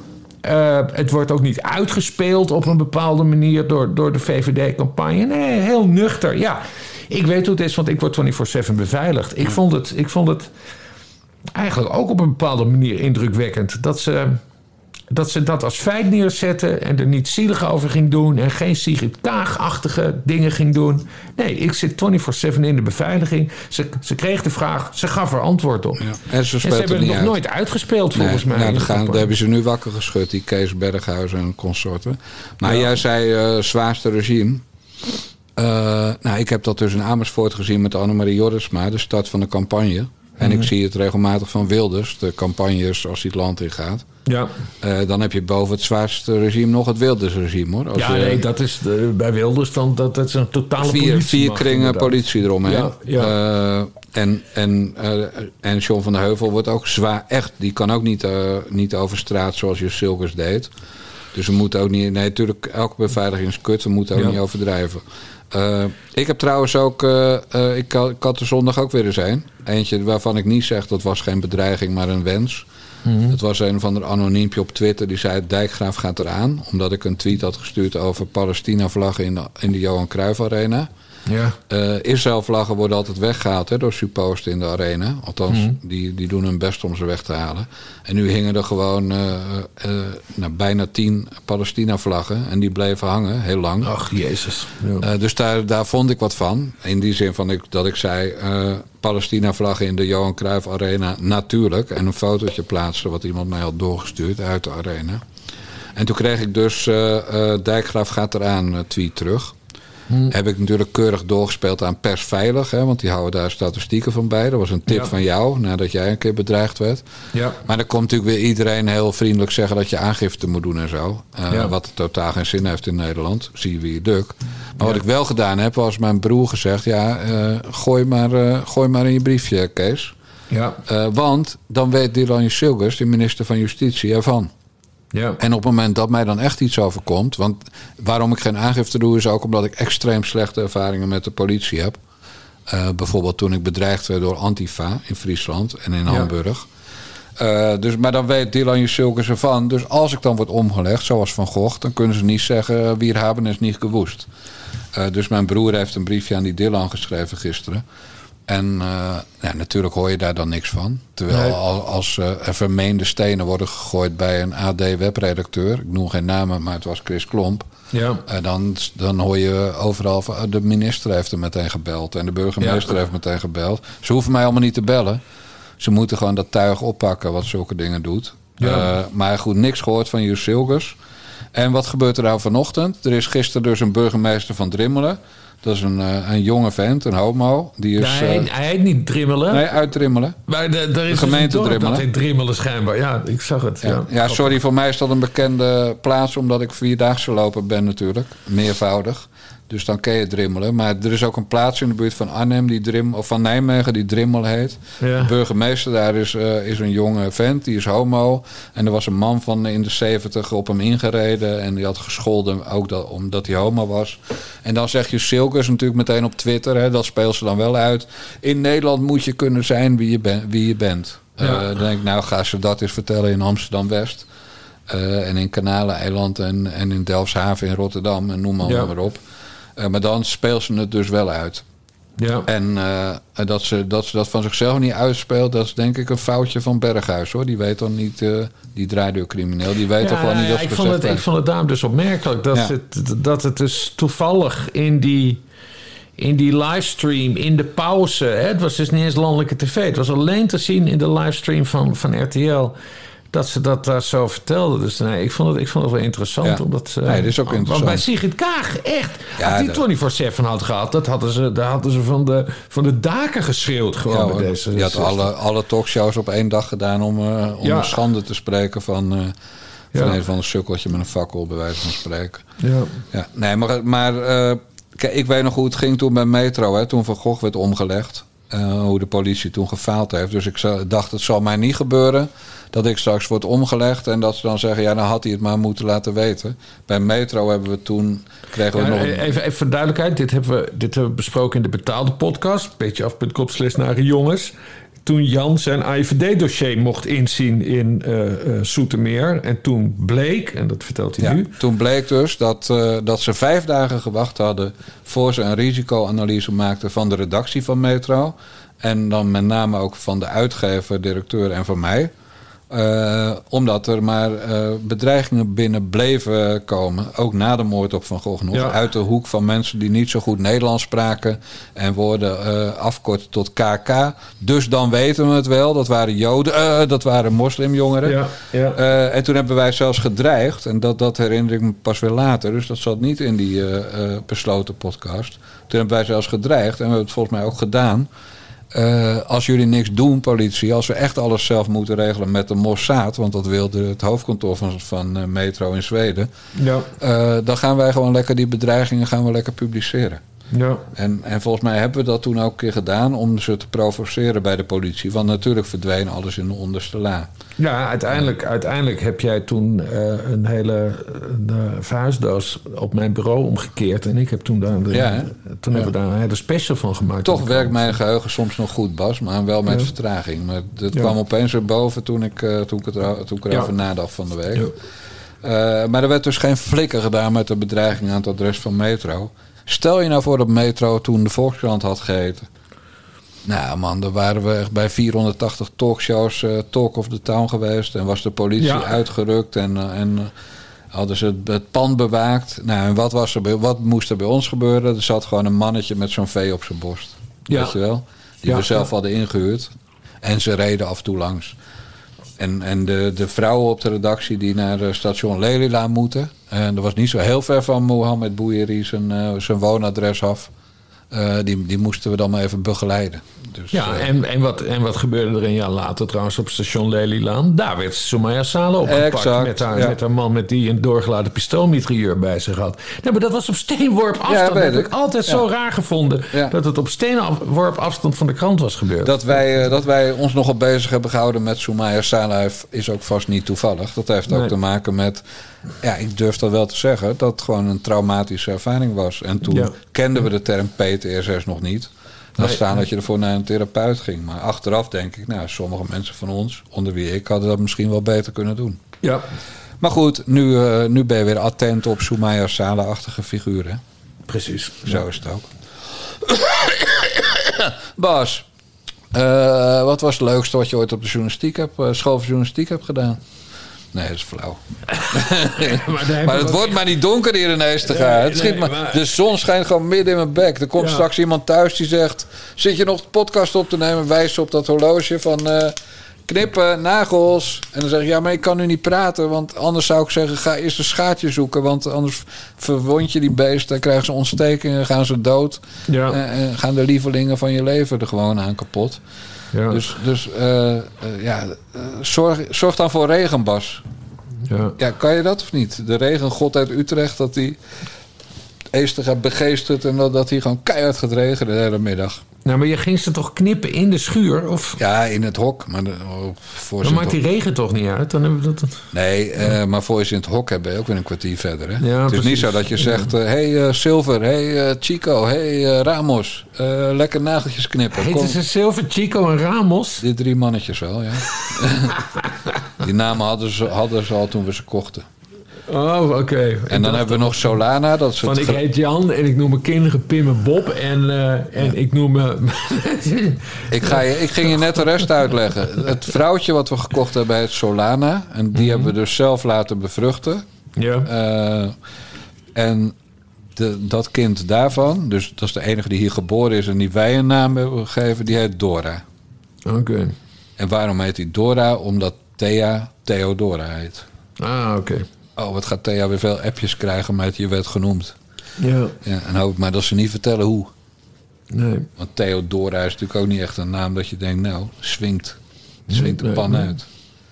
Maar goed, Dora is dus... eh, ze moeten allemaal een beetje Spaanstalige namen hebben, Bas. Vanwege het feit dat ze uit Peru komen, die beesten. Sommigen, ja, je noemt ze geen Jan, Piet of Klaas. Nee, nee. Of Bas.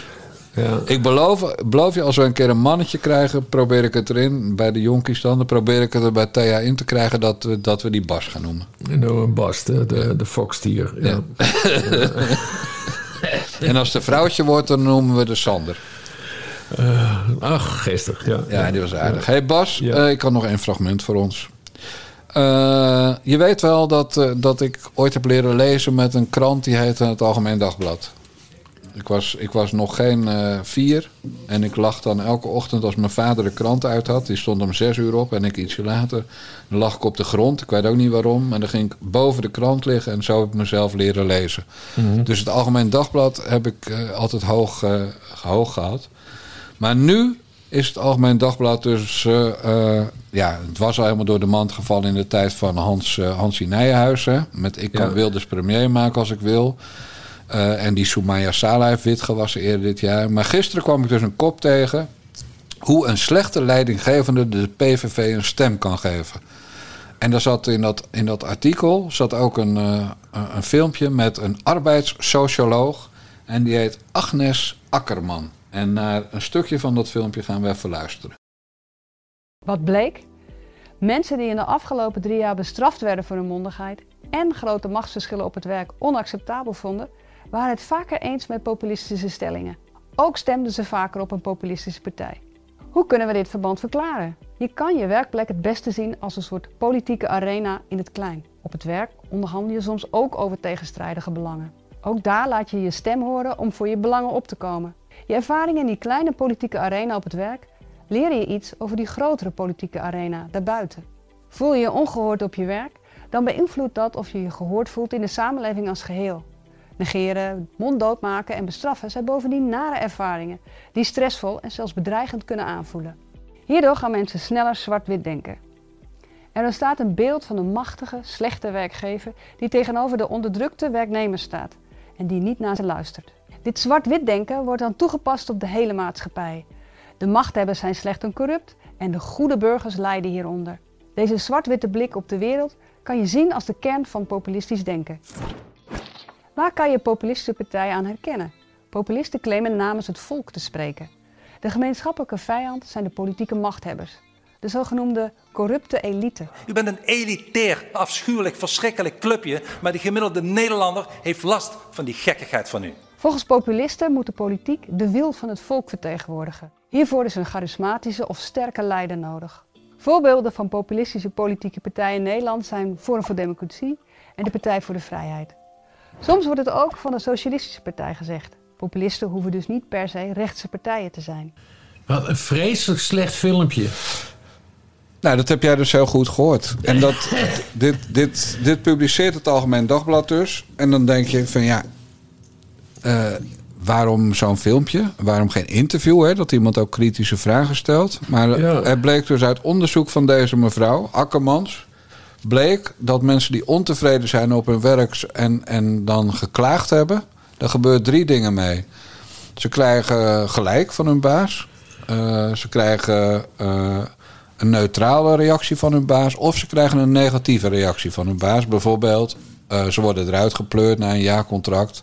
Of ze, ze, worden, ze krijgen een slecht rooster. Nou, whatever.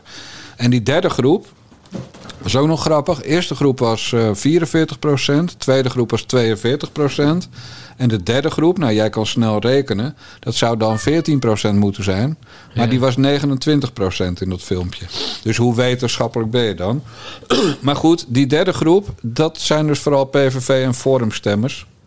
Eh, zei deze vrouw. Nou, verder had ze nog allemaal oordelen over wat populistisch is en wat populistische partijen zijn. Ja, en ze, en, ze, en, ze, en, ze, en, van, en ze willen een sterke man. Ik dacht, dan komt nu zoals Adolf Hitler. Dat, Ja, ik dacht, dat bedoelt ze natuurlijk. Ja, maar dat bedoelt ze. Ja. Precies wat, wat, eh, wat er aan de hand is.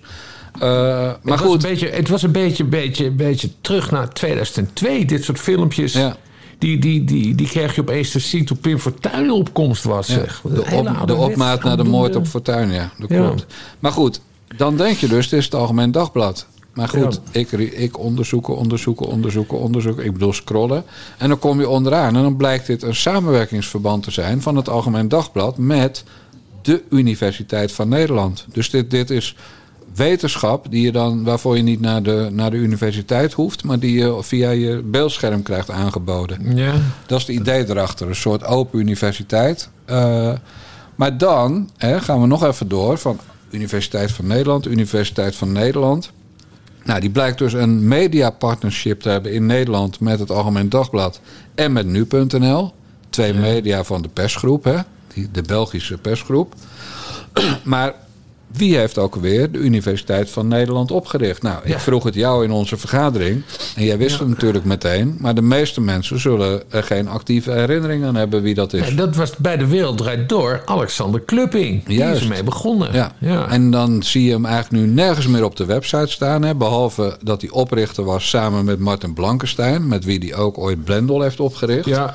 Eh, maar hij verraadt zich. Hij zit nog altijd bij eh, de Universiteit van Nederland. Want er werd laatst een prijs uitgereikt van 10.000 euro aan de directeur van de Universiteit van Nederland. Een of andere vrolijk kijkende nicht van 21 jaar ongeveer. En daar stond in gala-kleding Alexander Klupping naast met die check in zijn pootjes. Eh, dus hij is nog altijd betrokken bij de Universiteit van Nederland. Maar dit is natuurlijk. En, en dan komen dit soort. Ja, filmpjes. En dit is natuurlijk pure propaganda. Dit is pure anti-propaganda over Wilders en, eh, en Baudet en, eh, en de SP dan, om het even wit te wassen. Ja, en, maar dan ook nog eens heel slecht gemaakt gewoon. Heel slecht gemaakt, ja. En als jij nou die stem hoorde van die vrouw, dan denk je... het is de jongere zus van Henry Bontebal. Hè? Want de AI was ook een beetje lastig Ja, voor haar. ja. Eh, maar het is dus een vrouw die eruit ziet alsof ze net zo oud is als ik. Zeg maar 60 of zo, 61. Oké. ja. En de Eh, hoofdredacteur van AD is nu Renny Rijpma, toch? Ja, ja. Ja. Die, die is echt... Friese Deerne. Maar Ik heb wel eens ontmoet. Dat was vroeger wel een leuke vrouw. Maar die gooit nu dus dit soort shit Nou ja, op de... Ze kan nog wel een leuke vrouw zijn, maar, maar qua journalistiek eh, Nee, maar als je, dit, als je als krant, als AD, ik bedoel samen met de Telegraaf over populisme gesproken. Ik bedoel, Ja. een, de werkelijke volkskrant, Hè? Dus voor het volk, dat was vroeger het AD. En, eh, en, en, en de Telegraaf, eh, de Telegraaf stond meer, meer, meer richting middenstand. En nee, AD was toch de echte volkskrant Voor, vroeger. voor Ro- Rotterdam en omgeving was, het- had, je de tele, had je het AD. En voor Amsterdam en omgeving had je de Telegraaf. Dat was natuurlijk eh, de basis van die kranten. Ja. En, en het AD was ietsje deftiger, eh, of ietsje minder ordinair, zoals ze dat dan noemden, dan de Telegraaf. Ja. Maar, goed, dit is dus gewoon het opvoeden van kiezers wat ze doen... door een Ja. eenzijdig filmpje van een arbeidssocioloog. Hè? Ik bedoel, we hebben het ook niet over professor, dokter, ingenieur, huppeldepup. Nee, socioloog en dan nog op het gebied van arbeid. Ja. En, en, en omdat mensen dan boos zijn op hun werkgever... die niet luistert naar hun klacht... zouden ze dan gaan stemmen op Thierry Baudet Er of worden Geert allemaal Wilders. conclusies over het politieke bedrijf getrokken. Dat Ja. wat best bizar is. Ja, en, en dan de analyse is zo van de dikke duim. Want er is dus geen onderzoek gedaan naar die mensen. Ja, maar waarom stem je dan op de PVV? Ja. Eh, of op, eh op Forum? Nee, ze stemmen er meer op en ze zijn meer voor populistische standpunten. en dan zeggen ze ook nog van... Ja, ze denken dat politiek naar het, eh, naar het volk moet luisteren. Eh, hoe, heet, hoe heet de ene wetenschapster alweer? Eh, Roos. Roos, ja. Die had een keer dat Roos. Vonk. Roos Vonk. Die, die had toen meegewerkt aan dat onderzoek van eh extreemrechtse mensen zijn per definitie vleeseters of zo. Ja. En eh, dat bleek dan ook een neponderzoek te zijn. Toen is helemaal door de mand eh, gevallen. Maar daar lijkt dit een beetje op. Wat zijn het voor gekke conclusies? Dat, dat nu opeens de, hoe je op het werk met elkaar omgaat, wat dat zegt over je stemgedrag. En ik, En hier staat dus de handtekening onder van Alexander Klupping. Ja. Terwijl jij net had gezegd in de vergadering... eh Klupping was gisteren in het nieuws... we moeten even eh, aandacht aan besteden. Ja, Dus dat was wel grappig. Ik keek, eh, waarom weet ik niet meer, maar ik, ik viel in Khalid en Sophie. Want ik kijk in principe geen tv, zoals je weet. En daar zat Nienke de Jong. Oh god. Oud-columniste van het AD trouwens. En daar werd verteld dus dat Alexander Klupping eh, de shredder had gekocht van onze vriend, vriend Siewert van Liende. Ja. Want de hele kantoorinboedel eh van, zijn, eh, eh, van zijn stichting, de, ik weet niet eens meer hoe die heet, in ieder geval de mondkapjes Dinges Alliance. Alliance. Ja, Alliance. RFA. die, die, is, die is onder de hamer gegaan. Want het is allemaal verbeurd verklaard. En, maar daar zat dus ook een shredder tussen. En Alexander Wat is een shredder? Ja, gewoon waar je, ja, waar je door je bomen in, eh, in vernietigt. Oh, papiervernietiger. Ja, een pa- papiervernietiger, een shredder. Ja. En hij heeft dus een shredder gekocht van, eh van, van Siewert voor 100 euro. Dus eh, hij heeft schijnbaar documenten eh, die hij... eh, nou ja, goed, hij, hij zit in de krantenbusiness ook met dat Blendel natuurlijk. Dus al, die, al die kranten moeten door de shredder. Of alle tientjes die hij gejat heeft van alle Ja. mensen zoals ik. Maar, maar hoe dan ook, ehm, eh, die Nienke de Jong die vertelde daar dus over. Maar opeens zei ze iets waar, waarbij ik mijn oren spitste. Want ze zei, wat als deze shredder kon praten? Want dan was dat hele onderzoek niet nodig geweest, zei ze. En Ja, met dat, onder, met dat Ja. onderzoek kan ze alleen maar bedoelen eh Deloitte-onderzoek. Hè? Ja. Dat grote onderzoek naar, eh naar, naar Siewert. Maar ook trouwens die andere, andere bedrijven die... eh, al dan niet crimineel bezig zijn geweest tijdens de coronacrisis. Alle vriendjes van Hugo de Jonge. Maar ik, heb, ja, ik, heb, ik, heb, ik, ik ga niet zeggen dat ik het hele onderzoek heb gelezen. Maar er staat mij niks bij dat Siewert ervan is verdacht. bewijsmateriaal voor Donkermaan te hebben. Papieren bewijsmateriaal. Ja, dus, Nee. dus eh, Nienke de Jong, die zit daar eh, bij BNNVARA, gewoon op nationale televisie. Publieke omroep. Eh, publieke omroep vertelt ze dus dat, eh dat Siewert bewijsmateriaal heeft vernietigd middels een, een, een shredder. Nou, volgens mij is dat nieuws. Ik heb er verder ook niks meer van gehoord. Maar of Nienke de Jong weet dingen die wij niet weten en die wil ze niet delen. Of, maar dat kan ik me niet voorstellen. Hè, want ze is, zo net een mevrouw van BNNVARA en ze is actief voor de PvdA. De eigen broer staat op de lijst eh, van, de, van de PvdA. eh dat die een soort roddel heeft proberen te verspreiden. Wat mij heel kwalijk lijkt dat Siewert eh, eh, dus bewijsmateriaal vernietigd heeft. Dus ik, ik ja. kwam daar niet helemaal uit. Ik zat bijna te denken, misschien moet ik dit aan wat jij wel eens hebt gedaan... aan de NPO-ombudsman vragen. Hoe Ja. zit dit nou? Kan. BNNVARA de indruk wekken dat Siewert van Linden... eh, hè, want ze komt dus niet met bewijs. Ze, Nee. ze stelt het als feit... Siewert van Linden heeft bewijsmateriaal vernietigd met deze shredder. Nou ja, ik, vond het een hele stevige beschuldiging. Maar ja, er werd ook niet, die Khalid kwam er ook niet op terug. Dat Nee. is ook heel vreemd. Terwijl die jurist is. Ja, oh ja, hij is natuurlijk advocaat geweest, hè? Ja, ja, ja, ja, ja, ja. Nee, apart, hè? Ja, eigenlijk zeg je dus gewoon... Kijk, want wij gaan natuurlijk niet eh, voor, voor Siewert naar de ombudsman. Maar eigenlijk zeg je gewoon... Siel, kleine, kom uit je kinderwagen... en begin gewoon een, eh, een smaadproces tegen Nienke de Jong. Ja, ja, als ik, als ik Siewert was, dan zou ik... Zou ik eh, Nienke de Jong aan de hoogste weten, willen weten van... eh, wat weet mevrouw de Jong? Maar sowieso, je zou je kamervragen... Iemand zou je kamervragen over moeten stellen. Nienke de Jong weet schijnbaar iets... wat de rest van Nederland niet weet... en wat Deloitte ook niet weet. Dat Siewert bewijsmateriaal heeft vernietigd met een shredder. Nou, Ja, want jij zei of ze maakt een grap... maar Nienke de Jong staat niet bekend om het maken van grappen. nee. En het kwam er ook heel, het kwam er ook heel serieus uit. Dus het, nee, het was heel apart. Als, apart. als dat mensen op tv komt, Bas... Dan, dan, dan word ik altijd een beetje misselijk. Ik vind het zo'n vreselijk wijf. Ja? Mag dat of is dat niet? Ja, nee, Moet dat dat staven met bewijsmateriaal of kan, kan het gewoon bij de constatering houden? En wie is trouwens haar broer die op de PvdA-lijst staat? Ja, die heet ook de Jong. Ja, maar hoe heet van zijn voornaam? Ja, weet ik veel. Ik, ik zag het voorbij komen. Haar broer staat op de kandidatenlijst van de PvdA. Hoog. En, en, en eh, dat, ja, we moeten nu de lijst erbij pakken. Even kijken. Nou ja, ze gaan misschien wel acht zetels halen, de PvdA. De A. GroenLinks. Kijk, gek genoeg springt dan gelijk Laura Promette bij mij uit. Dat is het algoritme. Is Lekkere toch- wijfalgoritme staat eraan bij jou.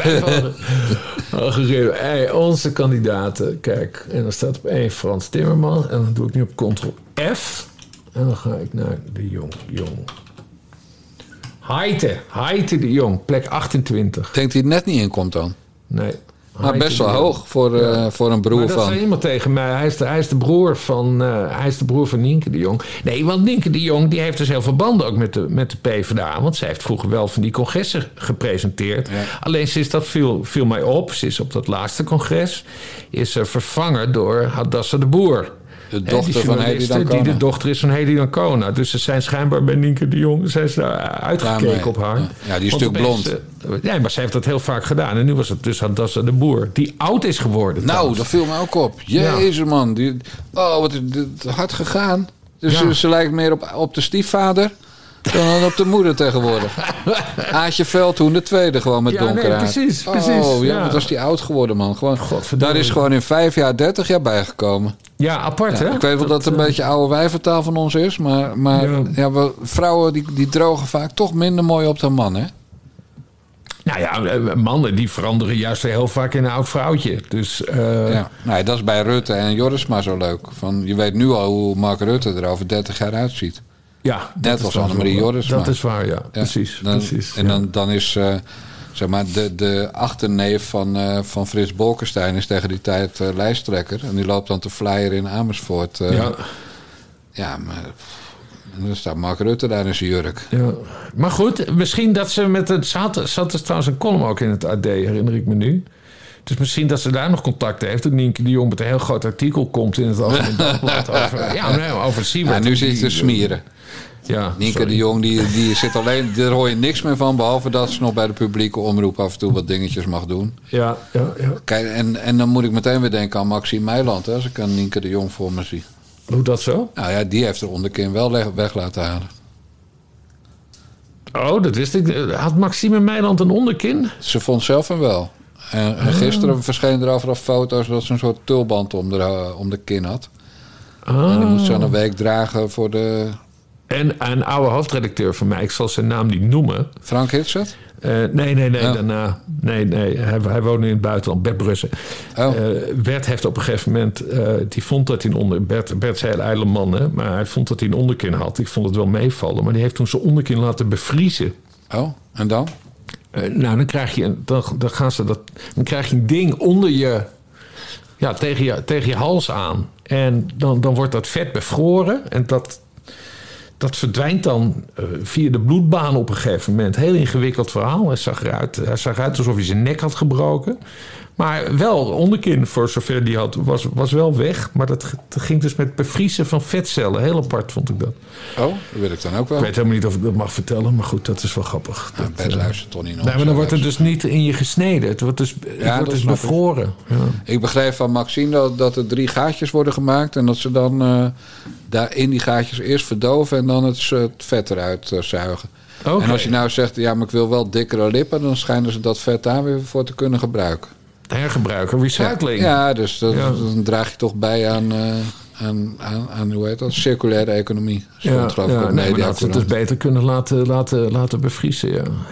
Doe jij een botox trouwens? Heb jij Ik, eens doe, iets aan je ik heb nog nooit doen? iets aan mijn gezicht laten doen. En dat Nee, kan je ook wel zien, Bas. Daarom ben ik, heb ik Ja. ook een radiohoofd en geen tv-kop. Ja. Eh, maar ik heb wel de afspraak dat op het moment... dat ik heb wel last van eh, walvorming eh, rond mijn ogen.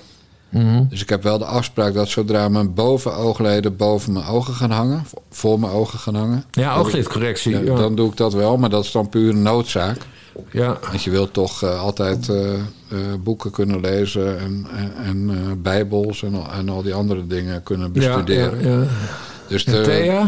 ook nog nooit wat cosmetisch laten doen. Nee, ja. Nee. Wij, wij hebben natuurlijk wel meegedaan, wel eens al dingen die te maken hebben met afvallen. Ja. Had je ook wel eens van die vacuümachtige apparaten waar zij dan eh, eh, mee aan de slag ging. Maar dat al- vacuümapparaat? Ja, dan, dan zuigt dat. Eh, ja, net als dat je bindweefsel en massages hebt, dan zuigt dat je vet. Weet ik veel. Oké. Trilt je vet weg. Ik weet het allemaal niet, Bas. Dat, Ja. Eh, we zijn gewoon allebei te zwaar. Ik, Maar ik in nog ieder meer niet, eh, niet, niet snijden en spuiten. Nee, gewoon, eh, nee. nee. Nee, ik ook niet en mijn familie ook niet. Maar dat was wel grappig. Ja, jouw neef heeft toch zijn oren recht laten zetten? Nee, ja, leuk, leuk, leuk. Nee, dat is wel grappig. Mijn, mijn, een, een van mijn grootmoeders, die heeft dat wel eens aan mij verteld. Dat zij, eh, dat, hè, dus dan hebben we het over de jaren, de jaren 80, eh, jaren, nee, ja, het begin deze eeuw overleden. Die heeft echt nog serieus een, eh, hoe heet dat? Een, eh, een, hoe heet dat nou? Borstvergroting. Nee, een Oh. gezichts, dat ze het naar achteren trekken. Een facelift. Oh ja. En die heeft gezegd van, ja, eigenlijk, ik, ik vroeg grootmoeder, heeft u nog wel ergens spijt van gehad? En toen zei ze, ja, ik had eigenlijk toch wel vroeger een, een facelift willen laten doen. Vond ik heel grappig, dat Ja. verwacht je niet van je oma, dat ze zo ijdel... En noemde je je oma echt grootmoeder als je eraan sprak? Eh, ja, grootmoeder en grootvader. Nee, gewoon opa en oma. Oh, ik Dat, eh, zeggen. ja. nou ja, het, eh, ik weet niet uit welke, welke wereld jij komt. Maar, Ja. maar eh, nee, dat is wel... Maar dat- grappig, hè? Dus mijn, Die is geboren in 1918, dus dat, even qua generatie. En die heeft dus, in, in- toen ze 60 was, overwogen een... eh, heeft ze dus uiteindelijk niet gedaan, maar dat ze dan toch over, zo ijdel zijn dat ze een facelift over. Dat, dat verwacht je niet van je eigen oma. Dat, Nee. vond- dat is het grappige wat ik daarvan wil vertellen. Ook omdat je je oma toch heel oud vindt op die leeftijd. Ja, ja. Nee, wij hebben wel... eh, eh, wij hebben zelfs geen tattoos of zo. Dus ik heb één keer gepleit voor tattoos. Mhm. En toen werd ik echt weg, uitgelachen door mevrouw Dijkgraaf. Dezelfde tattoo of zo? Nee, op een gegeven moment waren onze trouwringen pleiten. Ja. Eh, waarschijnlijk waren we dan weer een keer allebei goed afgevallen. Of, of van een van, of, of de mijne was pleiten. Dat je dan afvalt en dat hij dan eh, gewoon afglijdt en in de sloot dondert of zo. Weet Ja, je wel? ja. Dus dan sta je voor de keuze nieuwe trouwring of niet. En ik was ooit voor Panorama bij eh, Pamela Anderson geweest. Ja. Die was toen met Tommy Lee. Dus we hebben het over de vorige eeuw. Nou, begin deze eeuw. 2005 als ik het goed heb. En, eh, en Pamela Anderson had toen een getatoeëerde trouwring. Gewoon een dun streepje. Ja. Dus toen zei ik tegen Thea van... eh, eigenlijk wil ik dat ook wel. Ik vond het wel gaaf. En Ja. ja, ja zij vond het dus helemaal belachelijk. Dus toen, dus toen heb ik maar een nieuwe wit-gouden trouwring gekocht. Ja. Of we hebben allebei toen nieuwe genomen. Want die van haar zat ook kras op. Ja, ja, ja. Eh, grappig. Maar dat is en en, eh, ja, wij zijn er gewoon tegen. En, en eigenlijk vind ik, eh, of tegen iedereen moet natuurlijk zelf weten, maar wij wilden het zelf niet. Omdat je ziet ook wel eens mensen van 70 die dan tattoos hebben en die ze dan hebben gezet toen ze 40 waren. Ja. Ja, dan, dan gewoon dat je, dat je echt denkt van Jezus Christus, van welk kamp Ja. kom jij joh, proleet. Ja. Weet je wel? Ja, ik heb wel eens, ik heb wel eens, zijn toch tijd aan het rekken. Ik heb wel eens een Tijd rekken? Een ta- Zo, ervaren de luisteraars dat niet op was. nee, maar ik heb, eh, toen ik in Den Haag woonde, toen, toen had ik daar een stamcafé. En daar tegenover zat een, eh, zo'n tatoeagewinkel. En in die tijd dacht ik al na over een tatoeage. Ik wilde namelijk, en dat is wel grappig, komt hij weer, eh, dezelfde tatoeage als Prins Bernhard. Hij had op zijn linkerarm had hij een hele lange tatoeage. Eh, Swastika het- heet hij. Nee, nee, geen swastika. Nee, het, eh, het was een soort ding uit Afrika. Dat, dat heeft hij toen, toen, toen laten zitten. En dat was een bepaald symbool. Een of ander gelukssymbool. En ik weet niet meer... Op een gegeven moment had ik een afbeelding van die tatoeage weten te regelen. En die liet ik aan die man van de tatoeagewinkel zien. En zei, ja, dat kan ik op zich wel een keer voor je doen. Dus ik erover nadenken. toevallig had ik toen een interview met Benny Joling van Normaal. Ja. En ik zit dus bij Benny Jolink eh, daar bier te drinken en hem te interviewen. En we komen op het gesprek van tatoeages. En toen vertelde hij dat hij een keer een tatoeage heeft laten zetten. Maar die was niet goed gezet. En, en die, die heeft, hij heeft meerdere tatoeages, maar deze die zat op zijn been. En bij slecht weer en, als het, en in de zomer, dat ding dat ging minimaal één keer per jaar etteren. Dan liep allemaal, ja, maar echt een te ranzig verhaal. Benny Jolink heeft dus een, een, een, een tatoeage die begint te etteren één keer per jaar. En in één keer was ik helemaal genezen van dat. eh, want ik zag al helemaal voor me dat ik dan. Eh, met die tatoeage om mijn arm en dat mij hetzelfde is over. Hè, want ik ben ook, weet dat, wat, wat jij hebt. je Hypochonder. denkt, eh, hypochonder.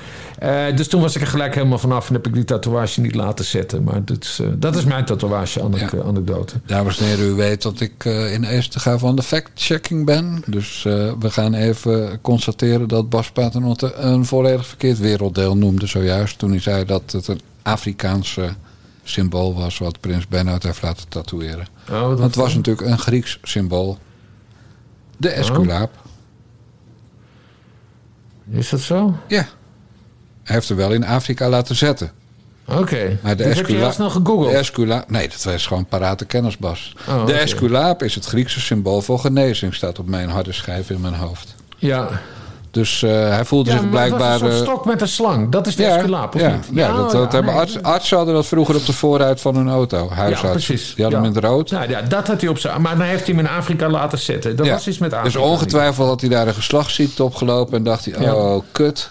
Ja. Eh, voor de zekerheid maar even een esculaapje laten zetten. Wat Ja. baat het niet, dan schaadt het niet. Ja, Zo moet je precies. het ongeveer zien. Maar waarom heb je het toen niet gedaan dan?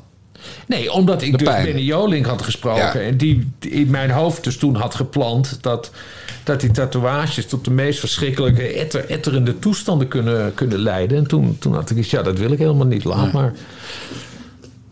Nou ja, en Dus- daardoor heb je vorig jaar gezondheidsklachten gekregen. Suikerziekte. Omdat ik geen esculaap Ja, had als jij toen die, dat, dat ja, ja, ja. Afrikaanse, doen even een bodetje, dat Afrikaanse symbool had laten zetten, dan was je nooit ziek geweest. Vorige week zat je ook weer te hoesten. Ja, toch de schuld van Benny Jolink. Ja, ja, schuld van Benny Joling. Staat Benny Jolink ook op je linker lijstje, rijtje of niet? Nee, eh, die stond echt sowieso. Ik, eh, waarom had ik hem geïnterviewd? Dat weet ik niet eens meer. Oh, wel voor Panorama trouwens. Want ik heb toen heel veel BN'ers geïnterviewd met wie ik niks had. Hoe heet die volkszanger alweer? Die in een... eh Dries? De zigeuner. eh, hij woont in een caravan met zijn vrouw. Eh, Frans Bauer.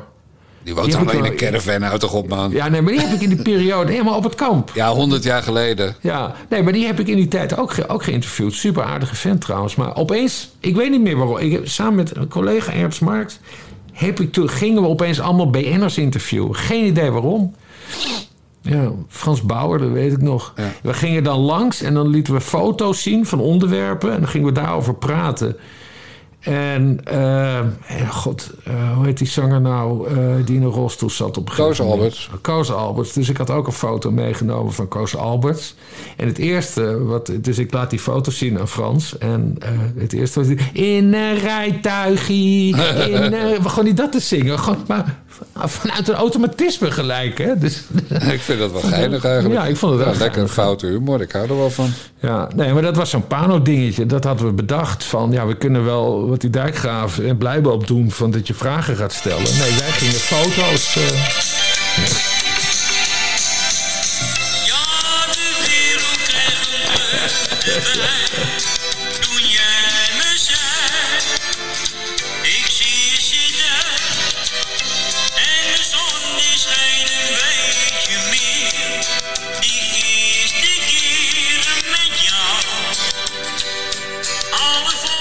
Weet je trouwens waarom Blijboom en ik toen de heren van Pano deden, of niet? Nee, vertel. Nou, het was, er was een tijd dat best veel mensen zeiden, bekende Nederlanders... wij hebben op een gegeven moment zin om mee te werken aan interviews van Panorama. Eh, en daar was wel wat voor te zeggen. Eh, ik bedoel, sommige mensen staan nou helemaal liever in Vrij Nederland. Maar toen had- bedachten Blijboom en ik, we waren allebei freelancer... en dan moet je gewoon eh, verhalen tikken om muntjes te krijgen. Maar toen bedachten we, als we nou langs allemaal van die verlopen artiesten van vroeger gaan... die nooit meer publiciteit krijgen, die Mhm. zeggen allemaal ja. Ja. Eh, en dan, maar goed, zo verkoop je dan natuurlijk niet bij je hoofdredacteur. Want die zegt dan, ja, rot even op, eh, verzin even goede onderwerpen. Maar toen bedachten we van, eh, nou, maar als we nou in smoking gaan... en we doen alsof die vrouwen echt idolen uit onze jeugd waren... dan, die vrouwen zeggen allemaal ja. En de hoofdredacteur denkt, nou, heren van Pano, geweldig, geweldig idee. Ja. Dus dat hebben we toen gedaan. En, en er zijn legendarische foto's van. Met dat Patty Bart eh 100 bananen zit te eten, bijvoorbeeld. dat Monique Sluiter, zegt die naam je nog iets? Ja, ja met Ja. de kaarsjes. Er was ook iets met kaarsjes. Ja, en de vloer vernield van een reclamebureau door, eh, door, door duizend eh, vaccinelichtjes te laten branden op een eh, pakket houten vloer. ja, ja, ja. Ja, dus, maar al die vrouwen zeiden inderdaad onmiddellijk ja, omdat ze dolblij waren dat ze weer een keer in de panorama stonden. Die zij allemaal nog kenden uit de tijd dat het een grote oplage had, zeg Ja. maar. Ria Valk, die toen met een neef van André Hazes verkering had. Eh, en die ook best wel op André Hazes leek als je hem hoorde praten. Ook, eh, nou, het was best was een superleuke serie om te doen. Ja. En, de, en we begonnen, we zeiden ook, we moeten beslist beginnen met Bonnie Sinclair. En, eh, en dat Ja. deden we ook. Nou, dat heb ik al eens verteld. Maar dan, die ging dan elk kwartier ging ze naar boven, omdat ze zogenaamd naar het toilet moest. En ze kwam steeds meer bezopen naar beneden na Ja. elk toiletbezoek. Ja, was zo heerlijk om te doen. nam even een slokje. hey, maar jij hebt ook nog een keer eh, samen met Blijkbaar volgens mij een serie gemaakt met die eh, eh, beeldige zwarte mevrouw. Hoe Marta? Herwezaag. Ja. Ja, dat klopt. In bad. Dat was In bad, in bad. in bad met Marta heette dat. Dan ging, nee, niet samen met Blijboom. Eh, Marta ging dan in bad met bekende Nederlanders. Nou, dat was eigenlijk hetzelfde idee. Van, ze wilde niet met, met Blijboom of met jou in bad. Nee. Maar wel met een mooie Surinaamse vrouw. Ja. Eh, en Marta was toen een, een politieagent in Rotterdam... die met ruzie was weggestuurd daar. Ja. Bloedmooi inderdaad. En, eh, en dan, maar er moest er wel iemand mee die het verhaal ging tikken. En dat heb ik regelmatig gedaan. Ja. Eh, en, en in de serie Heren van Pano hebben Blijboom en ik wel een keer in bad gezeten met een, een popgroep van drie vrouwen, waarvan ik de naam kwijt ben. Maar die veranderen elk jaar van samenstelling. Oké. Eh, en die hadden dan, ja, of misschien hebben ze, Blijboom wordt woedend als hij dit hoort. Maar ze hebben volgens mij was aan het Songfestival eh, meegedaan. Maar gewoon ja, drie ordinaire wijfies. En, eh, Ja. en dan wij in, de, in die pakken in een hot tub. Dus die Ja. hadden pakken naar de kloten. Ja. En sindsdien heb ik ook een hekel aan het schoenenmerk Wolkie. Want eh, er werd voor ons keurig eh, een smoking geregeld en een vlinderstrik en een overhemd. Of een hemd, hoe dat heet. Maar we moesten natuurlijk ook zwarte schoenen hebben. Eh, maar degene die dat voor ons regelde, die, die had dus blijkbaar geen goede relatie met een leverancier van, van prachtige, glimmende schoenen. Dus, Ja. dus die kwam met zwarte wolkies aan. En wolkies is ongeveer, ja, zegt de naam Leo Burgwal je nog wat? Ja, ja, ja. Nou, die liep altijd op Mephisto's. En Ja. dat is ongeveer het niveau eh, van, van wolkies. Ja, gemakkelijke. Ja, gemakkelijke schoenen. Nou, dat, dat hoort niet echt bij een smoking. Dus de heren van Pano zagen er piek fijn uit. Behalve dat ze op wolkies liepen. Want we waren ook te, te gierig om zelf even goede schoenen bij die smoking te kopen. Maar dat mocht ook niet, want er was een deal met Wolkie dat ze elke keer in beeld kwamen en genoemd zouden worden. Ja. Met de, de verkiezingscampagne van 2006 volgens mij. Toen heb ik... Oh, dat was trouwens ook met die, met die Ernest waar ik het net over had. Toen hebben we alle lijsttrekkers geïnterviewd. En toen werd, was de sponsoring helemaal niet goed geregeld. En toen, toen moesten we ons bij de CNA vervoegen voor een pak. Nou, een heel slecht pak. Dus we staan met al die lijsttrekkers op de foto. Ook in het torentje geweest en alles. Maar in een heel slecht pak. En, maar wel, er was ook nog een lekker wijf. En zij zou dan ook meedoen, eh, behoren, tot ons verslaggeverteam. Maar ze heeft alleen maar op de foto gestaan natuurlijk. Maar daar was wel heel veel geld aan uitgegeven. Dat vond ik een beetje Wie was jammer. die vrouw dan? Weet ik niet meer. Weet ik echt niet meer. Dat is, eh, Want in 2002 heb ik natuurlijk ook een serie met lijsttrekkers gemaakt met Niek Stokker samen. ja, ja. Toen we samen bij Fortuin eh, waren. Kaal geschoren. Ja, en hij dat echt niet door had. Nee, Fortuyn dacht echt, eh, die, die, die, Ja. die, die twee die zijn gewoon van nature zo kaal. Maar, ja. Bij mij kon dat, was dat ook wel bijna zo. Maar Niek had echt een hele grote donkere krullenbol. Ja. En die had ook, een, eh, omdat hij verder bruin was, een, een spierwitte schedel. Maar- Enorm glimmend wit hoofd. Ja, maar- Ik weet nog, de, de week daarvoor dat hij zich dus had laten kaalscheren. Maar toen is hij bijna doodgebloed. Enorm bloedbad. Heeft hij, zo, nee, hij heeft echt zijn hoofd open, open gehaald. Bij dat, Beste want mensen. Ze haalde eerst al het haar eraf. Maar daarna moest het helemaal glad geschoren worden. Met, dat heeft hij toen met het mes laten doen Ja, of zo. dan gaan we nu naar de commerciële mededelingen. Als je ooit je kopkaal moet scheren omdat je een interview met Fortuin hebt. Gillette Venus Breeze. Die paarse, die werken fantastisch. Gewoon onder de douche. Eerst de tondeuze en daarna gewoon met het mes helemaal glad maken. Doe het elke week. Bevalt prima. Ja. Kost een eurotje per scheerbeurt ongeveer. Goed. En we gaan het niet redden hoor. Het is... eh, Gaan we het niet redden? Nee, het Ja, is het nog wordt- de zon is weg, maar, maar er is nog geen regen. Het is ook nog niet donker. Mm. Ja, waar kunnen we het anders over hebben, Bas? Frans Klein? Nee. Ja, je hoeft maar, jij moet de call geven, hè? Ik bedoel, eh, zo werkt het bij ons tegenwoordig. Laat, me even, even nadenken. Ja, op zich heb ik al de Frans Klein aan het begin grap gemaakt aan het begin. Dat die Frans Klein dus dan al park aan het krikken is in IJsland. Eh, nee. Ik zie het ook niet voor. Ja, bedoel, dan moet het dus de mannetjes zijn bij Frans Klein, denk ik, hè? Dit, dit lijkt me niet van de, van de liefde met vrouwen. Het, eh, Is, hij is een homo, toch, Frans Klein? ja, ik zeg het netjes. Waar moet Ja, het nou weer zo ordinair? Ja, hij is Tuurlijk is hij wel. Potenstein, hè? Wat dacht je zelf? Goed. Ik, ik ben trouwens op Mediacourant... eh hebben ze me voor eh, Peter Gillis gegooid, hè? Want ik had, op, ik had op Twitter gezet... half november eh, wordt Gillis van de buis gehaald door John de Mol. Ja. Wedden? Nou, niemand durfde te wedden. Maar toen zijn ze van Mediacourant of van eh, andere sites... zijn ze bij Gillis gegaan met... die Dijkgraaf zegt... eh, dat jij eh, half november van de buis wordt gehaald. Maar ja, daar ben ik natuurlijk niet zo blij mee. Want, want Gillis is gevaarlijker dan, eh, dan iemand die op Twitter roept... Dijkgraaf gaat eraan, zou ik maar Maar zeggen. wat, wat zei Gilles tegen de mediacorant dan? Ja, dat een hele goede relatie met John de Mol... en dat hem echt niks overkomt voor hij veroordeeld wordt. Dus hij, hij zei, nee, dat gaat zeker niet gebeuren wat die Dijkgraaf zegt. Ja. Nou, dat zullen we nog wel zien volgende week, Bas Paternotte. Ja, als ja. dat boek van die Nicoleke uit is. Komt dat volgende week uit? Dat weet, weet ik veel wanneer het uitkomt. Ik heb er verder niks mee te maken. Nee. Je weet dat ik, eh, dat ik die beker aan mij voorbij heb laten gaan. Ja, precies. Ja. Of heb ik dat nooit verteld in de podcast? Wil je het graag... eh, eh, dit- zal ik het dit- uitgebreid vertellen? Of laten we het... nee, maar ze is, ze is, ze is bij- dat hebben we in de besloten podcast volgens mij besproken. Ze, ze, is bij jou langs geweest, want ze wilde dat, dat, eh, dat zij de nieuwe Meiland zouden worden qua boek, toch? Dat was het. Zoiets, ja. Ja. ja. En, eh, en dat eh, heb ik niet door laten gaan, dat En je hebt gezegd nee. Nee, daar, ben ik, eh, daar word ik met de week blijer om. Dat kan ik je vertellen. Ja, want waarom eigenlijk? Nou ja, omdat Peter Gillis eh, niet blij wordt met dat boek. Nee. En als Peter Gillis niet blij is, dan eh, krijg je ten eerste een advocaat op je dak. Nou, dat is allemaal, Ja. niet dat is allemaal geen ramp.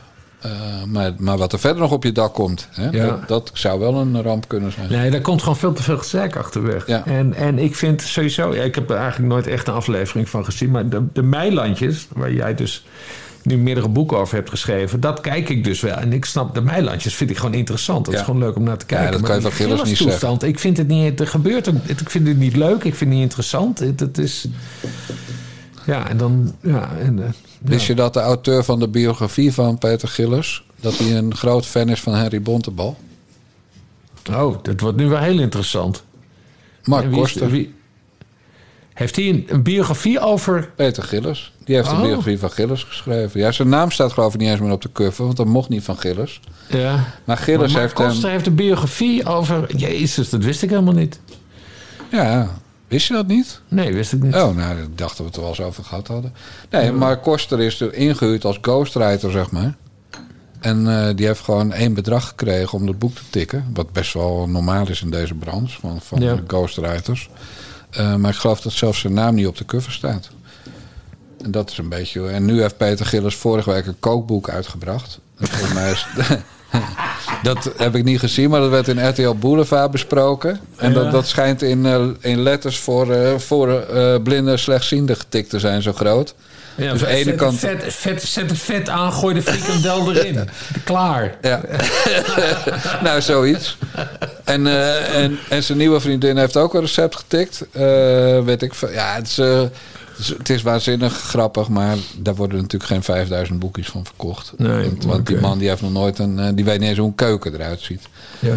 Maar dat, ja, eh, want dat was toen met die Nicoleke het punt. Haar boek moest uitkomen voor zijn boek. eh, om hem een hak te zetten, geloof ik. Nou, Ja. dat is blijkbaar niet gelukt. Want haar Gaat hij nog vervolgd worden trouwens? Wat is daar ja, zeker. van? Ja, voor, hij, hij zou al vervolgd worden voor één eh, zaak van haar. Hè? Dus dat, Ja. dat bijten in die, die rug en die neus. En Ja. weet ik het al, allemaal wat hij gedaan heeft. Maar er zijn negen of tien aangiftes bijgekomen. En die worden allemaal onderzocht. En daarom is de rechtszaak uitgesteld.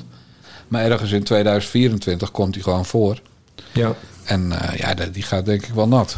Want, Ja. eh, want er zijn dus eh, geluidsopnamen bij de politie binnengekomen. Van, in elk geval van die ene zaak weet ik dat. Ja.